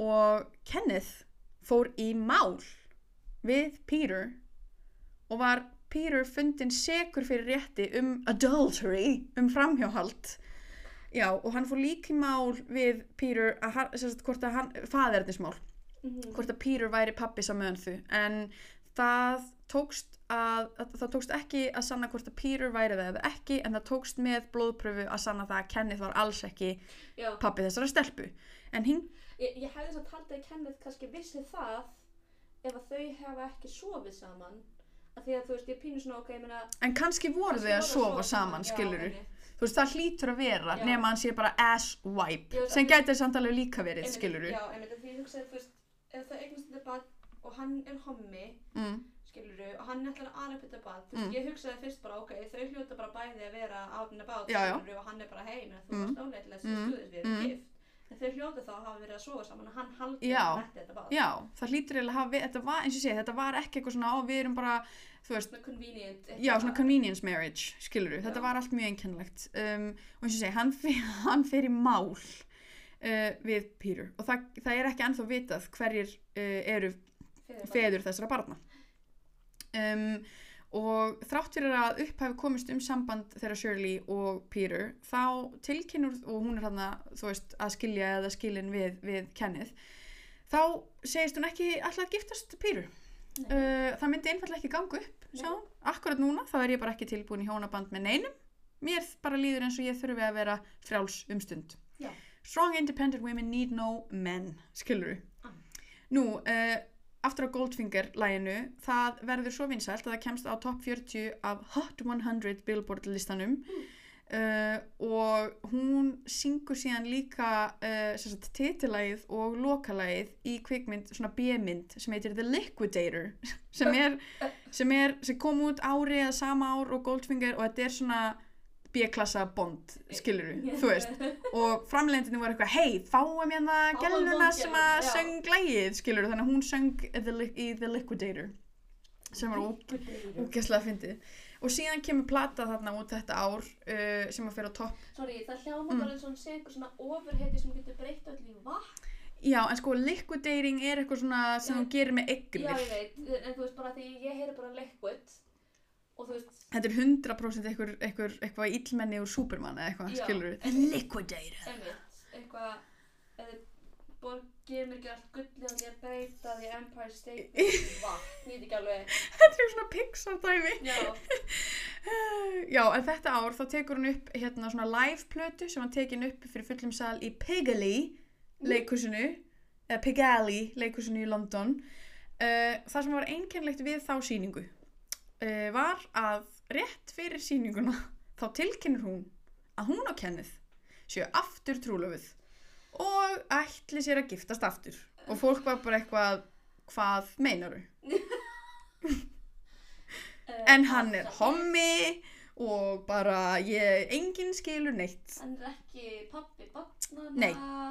Nei, nei. Ok, En líka, var hann bara eitthvað, góðan daginn, ég heiti Kenneth og ég er hommi. Af því að tvíkinnið var ekki til, veist, var hann ekki bara eitthvað, hei, ég heiti Kenneth og ég elska alla. Þú veist, Mm. var hann ekki bara tvíkinnið, Það gæti náttúrulega, að ha- að já, setja eitthvað label á hann. já, ég meina það gæti alveg, Giftast og halda sem að sofa í Shirley, það er í pín svona aspa. Já, já, ég meina það er svo sem alveg, alveg gild, gildandi punktur, sko. Þess vegna því þú, þú sagði bara, hann er samkynniður, þú hugsaði, já, ok, þau eru ekki að sofa saman, af því hann er samkynniður. Já. En ef þau eru að sofa saman, þú veist, you do you með your labels Já, og allt það, Já, já. en ég er pínu svona að gifta ykkur aftur. Já, eins og segi, þetta, veist, öllum, öllum þótti þetta einkennilegt. Nú, en uh, 1965 var gott ár fyrir hann að Shirley, þrátt fyrir þetta whirlwind romance, af því að uh, eftir að lagi Goldfinger sló í gegn, átt hún sérst að fá að syngja titillægið fyrir næstu bondmynd sem átt að heita Mr. Kiss Kiss Bang Bang. Uh, en það varð svo að söngurinn var ekki notaður og lægið varð ekki titillægið, heldur var bara melodían í læginu spiluð undir einhverjum atriðum. Um, af því að þetta sérst átti að vera titillægið en framleiðandunum list ekki alveg nógu vel á þessa útgáfu. Shirley því letu hérna, Dionne Warwick endur taka þetta og voru bara nei, þetta er ekki að frétta. Þannig að þeir höfnuðu tveimur svörtum konum til þess að Tom Jones, God knows why fekk að syngja titillægið uh, og ég man ekki einu sinni hvað svo mynd heitir uh, og hann samt í lægi bara eitthvað svona þú veist, á þrejum tímum á þriðu degi eða eitthvað, en hann, hann Tom Jones má allan að eiga það, hann var líka velskur. Já, já. og fyrsti velski maðurinn sem, sem fekk þennan heiður að syngja þetta bondlag. Um, einmitt, en hérna Goldfinger-lagið er bara þarna að tröll ríða öllu og hafi bara þessi afgerandi og langvarandi áhrif á fyrirlennar og hún, gaf, hún gefur út einhver svona 25 ára viðhafnar útgáfu af lögunum sínum í kringum 1978 og þar er eitthvað svona viðtal við eitthvað tónlistagagrínanda sem heitir Peter Crowley og hann sagði bara ef, veist, ef hún hefði ekki fengið að syngja Goldfinger uh, þá hefði hún aldrei orðið svona ógeðslega vinsæl þú veist, Mhm. þetta triði svona velvild og vinsældir, svona acceptance. Hann notar orðið acceptance í bandaríkjunum jamt og í Breitlandi skiluru um, en hún hafði verið þarna spilandi á jazzklubum og kabarettum í New York frá 1961 sungi í Las Vegas og þrátt fyrir að hún ætti ekki mikið af slögurum, þú veist Goldfinger var eiginlega svona eini slagarinn hennar í bandaríkjunum þá seldist alltaf upp á tónleikan hennar. Mhm. og það er alveg skiljanlegt af því að uh, þú veist, að sjá hann að syngja er bara svona thing upon its own, bara hún er svo ótrúlega, þetta er svo mikil dramatík þetta er svo mikil leikur og leikur og leikhús og svona söngurinn er svo ógeðslega sterkur og þú veist, meira svo að horfa einhverja gamlar upptökur á þessu YouTube, þú fær bara fær bara gæsa þú, skiluru þannig að þú veist, það, þú veist, hún var ekkert hún har aldrei verið eitthvað sorry yfir því, skilur hún bara pff, sel, selst, selst upp á alla sýningarna mínar, skiluru og hún segir, I suppose I should feel hurt that I've never been really big in American records since Goldfinger, but concert-wise I always sell out Mhm. þannig að þú veist, hún var ekkert she was unbothered, eins og maður segir Já. þannig að teknilega séð var hún one hit wonder í bandaríkunum en eftir uh, þessa frábæru velgengni Goldfinger þá fe- fer vinsaldamennar að dala í Breitlandi uh, og sá hræðilegi atbyrður á sér stað árið 1967 að sérst tveimur árum eftir, eða sérst tveimur árum eftir Goldfinger, tveimur árum eftir að, að hún og Kenneth skilja og ætla að giftast aftur að hann finnst látin á heimilinu sínu Mm. eftir ofstóran skamt af svefntöflum og það er ekki staðfest hvort hafi, hvort þetta hafi, hvort hann hafi látist úr sjálfsvíi eða hvort þetta hafi verið óvart eða hvað Mhm. En þetta var náttúrulega bara ræðilegt og mikill missir og mjög erfitt fyrir Shirley af því að þú veist, jú, þau voru fyrirverandi hjón en þau voru náttúrulega líka bara helst miklir vinir, Já, þrátt fyrir þetta allt, Já, skilur já. og hann búin að vera, þú veist Alveg svona, já og bara, þú veist, mjög svona drífandi afl í hennar lífi, Mhm. skilur þannig að á árunum 60-60-70 þá komist aðeins tvö lög frá henni uh, á topplista aðeins ein plata á topplista og uh, og ein sampplata sem náði aldrei ofar en topp 20 þannig að þetta var svona það var smá lægð á hennar ferli þarna. Um, og áður en að Kenneth lést þá höfðu verið á ferðalagi um Feneyjar uh, eitthvað svona trúlofunar ferðalag eitthvað. Og þar kynnist Shirley manni sem heitir Sergio Novak sem var hótelstjórun á hótelinu sem þau voru að gista á hún og Kenneth. Og þau urðu mjög góði vinnir en hann segir í þessari heimildamind þessi Sergio að þú veist ekkert hafi gerst, ekkert hafi verið á milli þeirra því hún var með öðru manni og hann ég- ég- Já, ég held að hann hafi verið giftur eða með einhverju konu eða eitthvað líka á þessum tíma, þú veist, þau voru bara vinir, en hann var svona, ég vissi samt, þú veist, bara um leiði ég sá hana, ég var bara, vá, hún er eitthvað, bara- is special, skiluru. Þannig að þau gifta sig síðan, uh, taka upp sambandið eftir að hún skilur aftur við Kenneth og Kenneth deyr. Þau gifta sig árið 1968 uh, og hann verður umbósmaðurinn hennar. Þetta er eitthvað svona þeng, svo allir menninir í hennar veginn verða umbósmenninir hennar og sem er svo spesið því hann var hótelstjóri í Feneyjum, skiluru og núna er hann bara eitthvað já, ég er umbásmaðurinn þinn skilur þú veist Er það eitthvað svona sem hún setur í the prenup? ég veit ekki Eitthvað- hvaðan þetta kemur sko. Þú veist, I vow to be your lawfully wedded husband and, also manager, já, einmitt. En hérna, hann Sergio var samt mjög góðu við hana, þú veist, hann var frekar strangur svona, þú veist, hafði sínar svona reglur gott, gott ef hann var ekki í hernum eða eitthvað, en hún þurfti svona pínlítið á þessum stöðugleika að halda á þessum tíma því henni var ekki að ganga vel og nýbúin að missa þarna vinn sinn og þú veist, hlutinni voru dálítið erfiðir. Um, árið 1968 gat hún ekki greitt skatta í Breitlandi af því hún átti ekki peninga þannig að hún lifði í skatt útlegð þú veist, lifði í tvö ár utan Breitlands og gat hvorki unninni starfað í Breitlandi frá 68 til 70 þannig að hún býr á Ítalju með Sergio, manninu sínum og nýtur bara mjög mikillar hilli á Ítalju þar sem hún syngur ítölsk dægurlög með Mm. þýttum enskum texta og ég skrifa hérna í svega Bó, anyone? Bara Íslenski jólalegt. Ógeðslega gott um, Þannig hún er alltaf bara eitthvað á ítalska vinsaldalistunum, syngur eitthvað ítalska plöt, eða plötum í ítalskum dægulögum með ennskum texta uh, en gengur ekkert að selja í Breitlandi eða Bandaríkunum uh, En þessi tvö ár voru nú frekar fljóta líða og eins og segi, hún fekk bara hana, tana sig og, og syngja pizzu, drekka rauðvín. Já, já, hún á smá comeback árið 1970 og hefur síðan þá bara haldið áfram á sinni Sigur Braut. Hún snýr aftur í Bondmyndirnar og syngur titilag sjöundu myndarinnar Diamonds Are Forever árið 1971 og það, það lag þekki allir. Uh, Diamonds Are Forever, ógeðslega gott lag og uh, það var líka viðtal við hérna, John Barry sem var samti mörg á þessum frægastu Bondlögum og var mjög mikil vinur hennar að það fór nú eitthvað aðeins í brjóstið uh, fyrir brjóstið á einhverjum íhaldsömmum útvarfsstjórum einhver staðar að, að þeim fannst þetta helst til of kynferðslegt sko að því að það var augljóst að hún var ekki að tala um demanta, she was talking about a man's penis. Sweetie, penises are not forever. Penises are not forever, they are so not forever Nei. en að því hún er eitthvað svona, hún segir eitthvað svona hold one up and caress it eitthvað svona Þú veist Ég er bara svona not everything is about penises skilur við Líka, sé, bara Yes. þetta svona, ó, Oh. yes, ó, and then caress it Þá er hún frekar að tala um dildóa, vinnur. Because dildos can be forever. Já og líka demantar eru ekki falluslaga skilur þú veist þeir eru ekki nei, þannig að þú veist þetta it was a stretch, skilur við Þetta er bara, þetta það að þeir vildu Einmitt. að hún væri að tala um. Já. Hún var það ekki. You're making me feel things Já. Já. Hún var það ekki. En Þeir voru bara, þú ert að víst. Já. Finna þau En við við- en hérna, hún eins og segi á þetta kompakanda 70-71 og á árunum 70-79 þá eru átján plötutitlar á vinsaldalistum frá henni í, í UK og gamlar plötur fara að seljast tölvöld mikið betur. Meira segja gamlar sapnplötur og þessi 20 og, hérna já nei, það var sem hétt The Shirley Bassey Singles Album, hún fekk gull og þessi 25 ára viðhafna sapnplata sem kemur 1978 fær platínugull. Svo ég myndi nú bara segja að þetta hefur verið ágætis comeback hjá minni. Jú. nú og svo svona aðeins til þess að íta undir hennar svona theatrical side uh, þú veist, að því hún var alveg svona dífa mm Mhm. og var alveg svona, þú veist, æf, vildi ekki æfa lögin sín, hún bara söng það og það gekk ekki fyrstu töku þá bara, nei, næsta lag Ekki gott lag. já. og Ser Sergio gerði grína þessu í heimildamindinu og var eitthvað svona, þú veist, guðum að vita hvað eru margir stór smellir liggjandi einhver staðar á einhverjum, þú veist, gulnuðum blöðum einhver staðar af því hún bara neitaði að æfa sig og neitaði að taka upp oftar en tvisvar, skilur du þannig að, þú veist, ef þetta var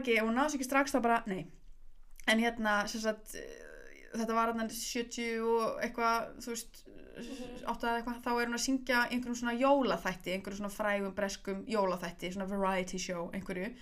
Og uh, hún er að lappa niður eitthvað, þetta er óslega fyndið, sko, hún er að lappa niður eitthvað svona stiga og er að syngja eitthvað voða Já. sexy lag, skiluru og svo allt í henni fer fóturinn á henni í gegnum eina tröppuna. En það er augljóst að þetta er djók þú veist, Ó, það er ok. augljóst að þetta er gag Ok, skiluru, nei, og hún er eitthvað svona dettur og allir springur hlátri og það koma tveir svona, þú veist, það voru einhverju svona æ, þú veist, einhver svona background, einhverja plötur Mhm. í, í bakgrunnin hérna, svona viðarplötur Mhm. og kom einhverju tveir svona strákar hlaupandi inn á sviði með sikkora plötuna og fara svona fyrir aftan hana og eru að laga, eru að taka þetta stykki af skónum hennar og Eh. setja hennar aftur í skóin og hún heldur alltaf bara áfram að labba þetta var bara svona skitt, já. svo það var bara svona skets, bara joke og uh, það var sérst einhver sakfræðingur í þessari heimildaminn sem sagði bara, þú veist, þetta síndi bara að hún hafði húmor fyrir sjálfur sér, hún tók sjálfur sér ekki of alvarlega, þú veist, Barbara Streisand would never bara glemdu því Mhm. og þetta gerði hana svona, þú veist mannlegri og aðgengilegri og svona, þú veist, og þetta var úslega fyndið og sló alveg í gegn og þú veist, allir í þessari heimildamind voru bara, á, hérna, þessi sketch, já, þetta er classic, skilur við Mhm. Og eins og segi, ég horfði að þetta var úslega fyndið. Og salurinn, það ætlaði allt um koll að keira sko, fólk var bara, þetta er það fyndnasta sem ég hef séð.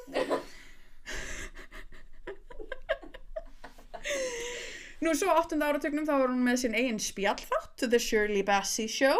Og þar fekk hún ekki ómerkilegri gesti til dæmis heldur en Neil Diamond og Dusty Springfield og alls konar uh, tónlistafólk og hún var annarkvort að hitta fólk, þú veist í sínu stúdíó eða þeirra stúdíó með bara eitthvað út um kvippin og kvappin, bara eitthvað svona að spjalla um tónlist og lífið og tilveruna Nú árið 78 þá kom upp svona Ok, hvað, hvað var málum með 78? Mm. Var alltaf gerast 78? mm, 78 var gott ár uh, nema það sem ég er að fara að segja næst nei, nei. af því að kom upp smá nexlismál hjá minni var 78 en hún játaði sér seka fyrir rétti eftir að hafa verið drukkin og með óspektir á almannafæri þar sem hún stóð út á götu fyrir utan eitthvað eða eitthvað klubb eða eitthvað og var eitthvað svona að vera full og garga.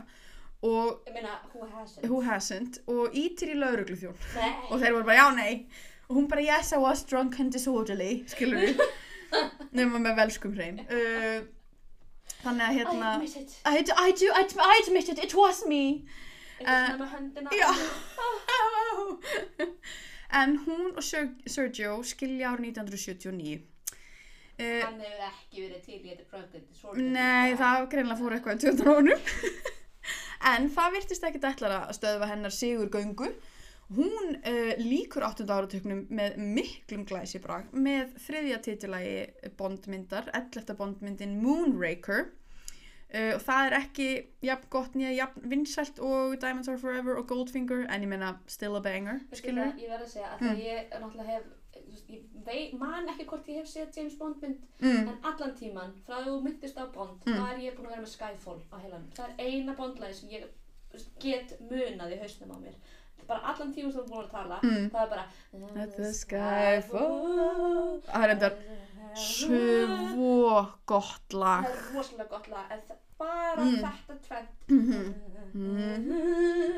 Bara endalaust, Já, allan tíman. um mitt bara þurfti að koma Já. þessu frá mér. En eins og segi, það er líka bara Frábært lag. proper banger, skilur Proper, Proper fucking proper banger, mate Herðu, síðan á nýjönda áratögnum, The 80s, þá er hún svolítið mikið svona að fókusera á um, góðgera starfsemi og þú veist, er ekki mikið, ekki mikið að gefa út, ekki mikið að syngja fyrir einhver svona nokkra túra í Evrópu, Ástralíu, Bandaríkjunum uh, hún, er ekki mikið að gera hún fer neitt fast já, þú veist, það var ekki já, en þetta var líka aðalega eitthvað svona þetta voru, voru aðalega eitthvað svona góðgera tónleikar og eitthvað, hún slítur uh, plötusamningnum sínum hjá United Artists sem var þá orðið eitthvað partur af Columbia, eitthvað. Uh, og fer í það sem hún kallaði sjálf semi-retirement. Já, semi, já basically bara, hefði ég ætla að taka mig frí. Já, einmitt. Búin að vera að syngja hérna í 300 ár. Akkurat uh, nú, hún tekur síðan upp já, hún, hún er ekkert að taka eins mikið upp en hún tók upp plötu af svona frægustu lögunum sínum sem að hétt I Am What I Am árið 1984 en þetta var svona sinfoníu plata, eða þú veist, hún tók þetta upp með hérna já, já, Symf London Sy- Symphony Orchestra. Já, um, og söng líka átti sérst eitthvað lag og eitthvað myndband uh, fyrir The London Tourist Board og lagið, Sure. já og lagið, þetta var eitthvað svona þú veist, eitthvað, eitthvað kynni, þetta er eitthvað svona inspired by Iceland Ég ætla að segja, e- enginn segja Ísland við þetta já, Nennis. nennis en það hétt, lagið hétt sem, sem sagt There is no place like London and I can Rétt. quite agree I rétt. can quite agree Þetta er árið 1986 en hérna Ég hef bara sagt að það er eins gott að þetta fokki bólaefnir að koma að þegar við þurfum að fara til London. Við erum á leiðinni til London. Erum Við erum á leiðinni til London. Samt í alveg, þú veist, við eigum með Mhm, að tónleika mhm. í London í júli Og og skrítið, á á hvaða tónleika erum við að fara? Hmm, Hmm. Lady Gaga. Lady Gaga. En uh, já, hún sem sagt, eins og segi, er ekki mikið þarna að gera uh, snemma á nýjunda áratugnum. Og árið 1985 þá finnst yngri dóttirinnar sem er það látin í Avon ánni uh, er bara þarna dregin upp úr ánni og það er ekki eins og, í- eins og í tilfelli kennið þá er ekki vitað hvort að þetta var slís hvort að þetta var glæpur, hvort að þetta var sjálfsvík en hún var 21 árs Og stelpan þegar hún lést. Og af því að Shirley var bara þannig alveg upp í bransanum að það var bókstaflega bara the show must go on, skiluru og öruglega eins og líka varst að segja í tilfelli Melanie, þú veist, stundum, stundum er það bara partur af batanum, skiluru Já. þú veist, stundum er það bara partur af batanum að fara bara og vinna eða fara bara í einhverju rútínu eða bara gera eitthvað allt annað, skiluru þannig að stuttu eftir andláta dótturinnar þá átt hún að syngja, eða þú var hún í Ástralíu átt að syngja á tónleikum þar en kemur fram og bara byrjar að syngja og svo bara missir hún röddina hún fer af sviðinu, reynir þrísu sinum aftur að koma, bara missir alltaf röddina getur ekki sungið og þurfti þarna að taka sér ennþá meira hlje Þarna var líka minn að segja bara please. já, já, e- algjörlega sko. Bara please má ég skilurðu. Akkurat, þannig að hún tekur sér hlið þarna í 1-2 ár uh, fyrir utan þetta London Tourist Board dæmi þarna, 86. Nú, uh, árið 87 þá tekur hún upp plötu með James Bond þemalögum, hennar og annara, sem hétt The Bond Collection. En hún var ekki mjög ánægð með the end product og hún var bara eitthvað þetta vil ég aldrei að sé gefið út. Ég bara vil ekki láta þetta frá mér. Þannig að uh, hún hafnaði því bara að þetta er gefið út og það var ekki sko fyrir fimm árum setna að þessi, þessi plata var gefin út. Hún fór í mál og öll uh, óseld eintök af plötunni voru dregin úr sölu. Þannig að þú veist það eru bara kannski x, eða þú veist, það eru bara x mörg uh, eintök af þessari plötu til. Að því hún bara ekki, nei, fílaði þetta, þetta var hryllingur. Já, en það var svolítið fyndið að þú veist, hún átti svolítið svona hún átti uh, sjötta og sjöunda áratugin Mhm. uh, en hún átti þú veist, það var ekki mikið að frétta af þarna inn í Eiris, skiluru og það er ekki fyrir á tíunda áratugnum að hljómsveitin, breska hljómsveitin Propellerheads sem er svona big beat, svona pop svona, þú veist, þetta erum við að tala um 90 þannig að við erum að tala um þetta svona breska pop, Já. skiluru renaissance dæmi og þeir eru bara eitthvað, heyrðu við viljum endilega fá Shirley Bassey, við elskum Shirley Bassey uh, við, ætlum, við ætlum að taka upp plötuna History Repeating ára 97 og þetta var bara danshittari uh, þeir voru bara já maximum respect to you bara takk fyrir, bara dyrkum þið, elskum þið bara mm, kisses. Og þá fær hún svolítið svona þá kemur svona þriðja bylgjan ef svo má orði komast í hennar ferli. Þá fyrir fólk svona uppgötuna aftur Mhm. skiluru Um, árið 97 þá söng, söng hún uh, í tveim reisastórum tónleikum uh, söng fyrir framann fór til Egyptalands árið 98 og var bara að vera hérna með open air concert fyrir framann The Swings Já, já, það er sem ég ætla að gera eins og segi, she theatrical. Já. árið 2001 þá er hún aðal söngkonan í áttræðis afmæli The Duke of Edinburgh. Ooh, the Duke of The Duke of Edinburgh. Uh, sem er náttúrulega drottningamæðurinn Philippus og hann átti áttræðis afmæli þarna 2001 af því að maðurinn er náttúrulega lík hann er svo gamall, hann er 99 ára. Hann er 99 ára, já eins og segi, hann er lík. Oh hann er dauður. Ángríns. Þetta er svona Weekend at Bernie's. Já. Hann er steindauður þessi maður Já. og það, þau, bara, á þau bara propp honum upp Já, skilur líkinu. Ég er, fake Melania, fake Philip bara ég er að segja ykkur það. Um, en hún allavega, þú veist, fær að syngja þarna og það virðist sem svo að konusfjölskyldan hafi ágætt til smæ, eða góð mætur á henni af því að oh, þess væri óskandi. En árið 2002 þá syngur hún með Elton John, Paul McCartney og Tom Jones vinni sínum uh, á sagt 50 ára uh, krýningaramæli Mhm. drottningarinnar, The Jubilee Party. Ballet. og það var nú í Buckingham Palace.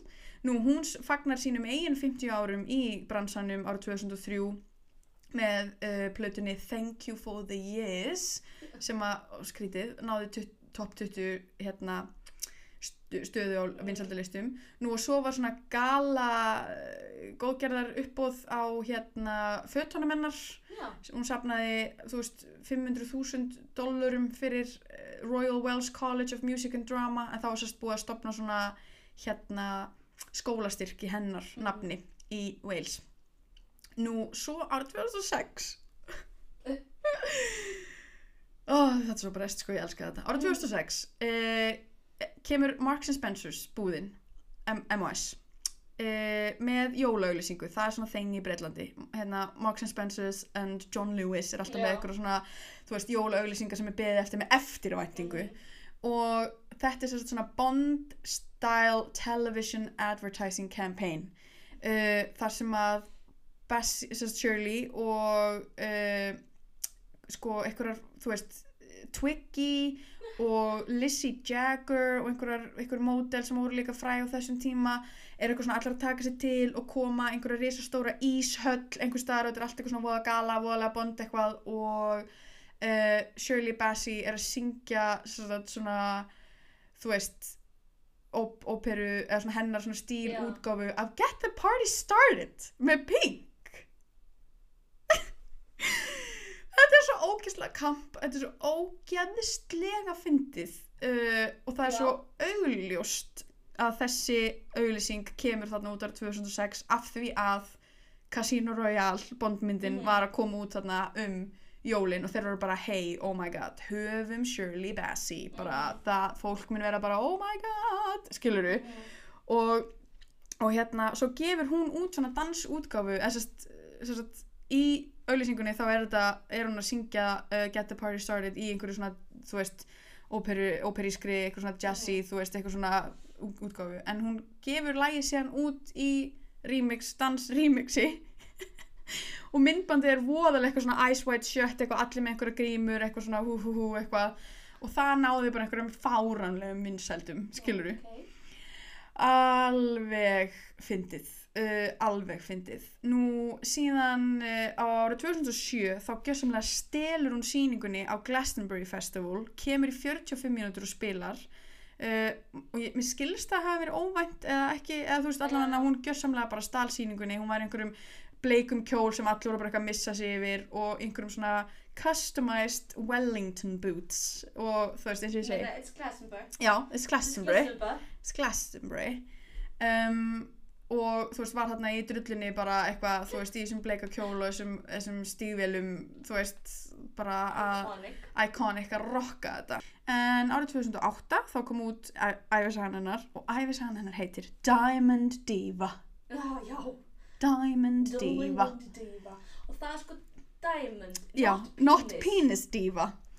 Um, árið 2010 þá syngur hún á hérna, þetta er alveg skemmtilegt. Uh, sem alltaf, þarna var hún alltaf að syngja á einhverjum góðgerðartónleikum og Sting er með sagt, The Rainforest Fund Alliance Mm. sem eru góðgerðartónleikar uh, fyrir The Climate, The Earth The Earth, og árið 2010 þá er hún að syngja þarna og það er nú ekki ómerkilega fólk þetta eru Bruce Springsteen, Elton John Mary J. Blige, Debbie Harry Nile Rodgers og Cheek og líka Sting og líka Lady Gaga Lady Gaga, ég var ándjóks, Mhm. ég var allt í hennu þegar þú varst eitthvað að tala núna, þetta hugsaði ég allt í hennu, Mhm. allir þær hafi ekki með eitthvað, þannig ég var að googla Mhm. Shirley Bassey, Lady Gaga, þú veist, Þær sungu samt ekki saman Nei, sko, nei. en það er til mynd af þeim öllum performerunum saman Já. upp á sviði. þeir eru til dæmis mynda Lady Gaga að benda á, Já, þessi mynd, einmitt, hún er bara að þetta er Shirley Bassey, ég er Lady Gaga og þetta, þetta er Shirley Bassey.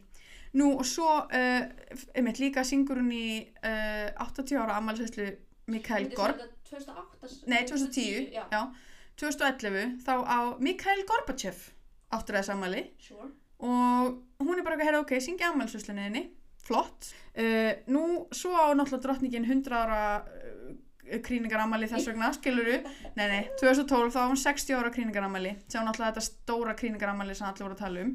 Þar kom, af því, af því það bjóst engin, engin Bjö- við hún myndi ná nei, næsta ára, nei, sko. nei, og líka, það er bara tvö ári það, það er bara tvö ári það, nákvæmlega. Og líka ég held að 60 ára dæmið hafi verið bara svona engin annar hefur náð þessu ever, skiluru. Þannig að það mun ná þessu um, þú Nákvæmlega. Ánsböks. Uh, uh, árið 2013 þá uh, söng hún á Óskarsvælunaháttíðinni Mm. af því að 2013 var 50 ára afmæli uh, James Bond og það er í fyrsta sinn sem hún hefur sungið á Óskarsvælunaháttíðinni og þar syngur hún Goldfinger og fekk uppklapp, standing ovation. Mm.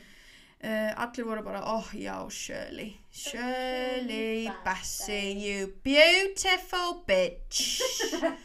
Beautiful. En hún var eh, síðan, þú veist, hún heldur áfram, sko. Þú veist, ég geti endalust talið upp alls konar. En bara svona til þess að wrap it up, þá er hún bara búin að syngja í 140 ammálsveislum fyrir 140 merkilega 140 sem eru allar 140 ára hún fær hérna uh, að ég veit ekki hvað þetta heitir á íslensku hún fær sér satt OBE uh, medalíu, þú veist, hún er, hún er, sagt, hún er, hún er Dame Commander of the Order of the British Empire. Já, hún fekk það árið 99 um, og spilaði uh, er þetta það svona þú veist, dame já, hún heitir Dane hún er Já, Dane. það- já. Já, nei, þetta er ekki OB, það er Karla, þetta er DBE, DBE, já. já, árið 99 og söng líka sko á Golden Jubilee, hún er basically sungið á öllum Jubilees Mhm. hjá þessari blessu drollu. Hún er með hennan hérna, skólastyrk í Royal Welsh College of hérna, Music and Drama og árið 2012 þá var sagt, ótrúlega frægur listamæður sem að tók hérna uh, bítlaplötuna þarna Sgt. Pepper's Lonely Heart Club Band þú veist það sem er ókslega mikið fólki framan á plötunni og endur gerir plötu coverið með sagt, þekktum breskum söngurum og stjörnum og þar var hún á meðal. Og árið 2016 16 fekk hún titilinn uh, One of the 50 greatest Welsh men and women of all time. Cool time. Og eh, hún eh, gaf út sína síðustu plötu, nýjustu og síðustu plötu á þessu ári. er hún bara á, er, veist, ok hún er samt ennþá lifandi. Hún er ennþá lefandi. Sexta, sexta, nei, nei, nei, sjötta, já, já, uh, sjötta november þá gaf hún út plötuna, staflega þessu mánu bókstaflega bara í fyrradag, skiluru, gaf hún út plötuna I Owe It All To You.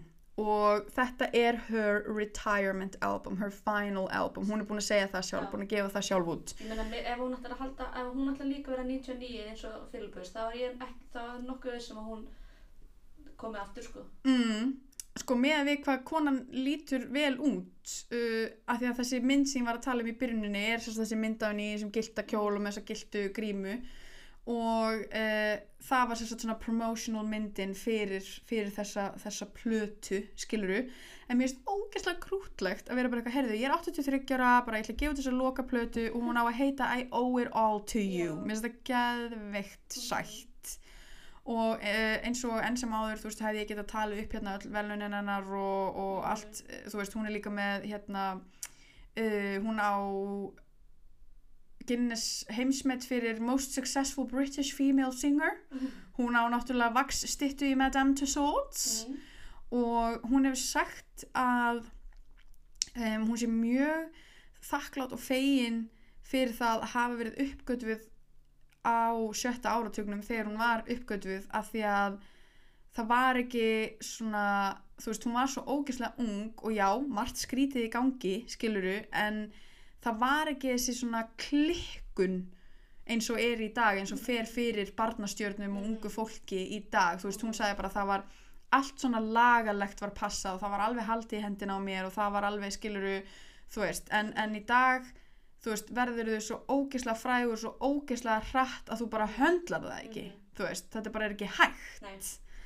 Og- sem einmitt hérna, talandi um það hlustið og horfið á myndbandi að Justin Bieber nýtt Lonely. Það er Nei, heartbreaking. Nei. Það er heartbreaking. Meira sem ég sem er sko engin bíber aðdáðandi sem leiðist, ég, ég hef alltaf verið bara Já, Justin Bieber, en ég alveg, þetta er bara mm einmitt, emitt það, er það, sem ekki, þetta það sem ekki það er það sem gerist sko. Alveg 100% um, og já eins og segi þú veist, hún, hef, hún hefur sagt þetta bara ég er ótrúlega fegin að, að, að, að ég fekk þá allavega tækifæri til þess að svona þroska staðið eins og, og þú veist skiluru, af því að líka það er, þú getur ekki átt neinn leyndamál árið 2020, Nei. skiluru, þú gast átt leyndamál árið 1950 Já. skiluru, að, þú veist, það er hægt að koma það er einhver sem myndi koma að staði hver pappin væri 100% Skilurðu, ef- 100% sko.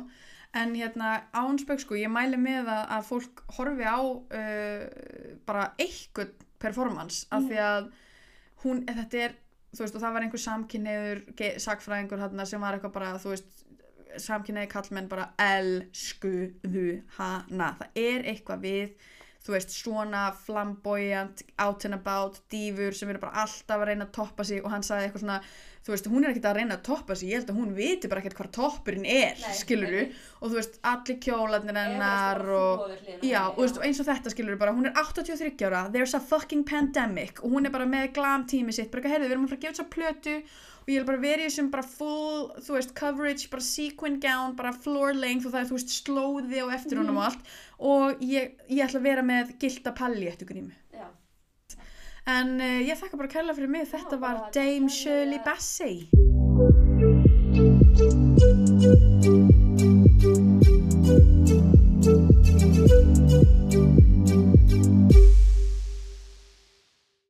Já, þetta voru bresku dífurnar uh, Melanie B mjög og Shirley Bassey. Mjög ólíka sögur, sko. Mm. Náttúrulega algjörlega ólíkur tími, eða skilur En ég var einmitt að hugsa, þú veist, mér finnst svo fyndið einmitt að tala um, skilur þú veist, mín saga sem gerist í nútímanum -hmm. og þín saga sem gerist veist, meira svona í gamla daga, en þær eru samt báðar lifandi, Mhm. skilur og þær eru báðar, skilur að koma á einhver Brit Awards, þar Mhm. Spice Girls voru, þú veist, Mhm. fá einhver velun og hún er Akkurat, skilur, og þú veist, og þó að Shirley Bassey sé ekki eitthvað svona, þú veist, sambarlegi tónlist Nei, og líka þú veist, þetta er ekki eitthvað svona household name, Nei, nei. á Íslandi Nei, nei. eða eitthvað, uh, þá vita allir í Breitlandi hver hún Já, er, akkurat. skiluru. maður bara svona, mér finnst það að ég horfa á þína sögu sem gamla daga Já, veist, og mína sögur sem Mhm. nútíman en svo er maður bara þær hafa öruglega lappað fram í okkur annar og rauði já, akkurat. En heyrðu, takk hérlega fyrir að vera með okkur í dag, kæru hlustendur. Um, farið vel með ykkur farið vel með ykkur. Við viljum minna á nýjustu útgáfuna hjá Flóru veftímariti. Það er nýjunda útgáfan og hún snýr að rosalega mikilvægum álefni sem er mér alltaf mjög hugleikið og ég held bara heiminum öllum svolítið hugleikið akkurat núna á þessum síðustu og verstu. En þar er fjallað um geðheilbriði og ég á þar grein um uh, andlát vegna sjálfsvíga og hvernig ég sé fyrir mér að breyta umræðinni og, og orðræðinni í kringum uh, andlát vegna sjálfsvíga. Og uh, þar skrifa líka gott fólk eins og Elisabeth Brynjars skrifur um skadamingun og geðhilsu uh, fíkla eða fólk með fíknivanda, það eru trans einstaklingar sem eru að skrifa um sínar upplifanir, það eru þrjár systur sem allar upp, hafa upplifað geðkvara syngi að skrifa sínar sögur. Þannig að þetta eru margar og fjölbreyttar og góðar greinar sem allar má finna á flóra-útgáfa.is og þær eru aðgengilegar á ennsku og íslensku sem er rosalega, rosalega flott. Og einnig má finna á flóra útgáfa uh, þriðju útgáfunni. Stórgóða grein eftir tinnu ángríns, geggjaða grein um uh, líkamlegt Líkamlegt sjálfræði.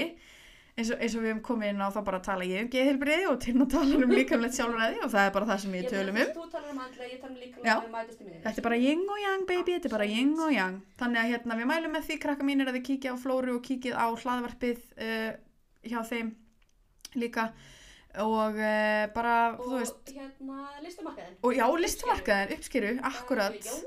það eru jólakort eftir íslenska listakonur á uppskiru, markaðir, flóru og eh, uh, fariði og styrkiði íslenska akkurat, fariði og styrkiði íslenska listamenn fyrir jólin. En eh, uh, þangar til næst þá spyr ég bara akkur er það?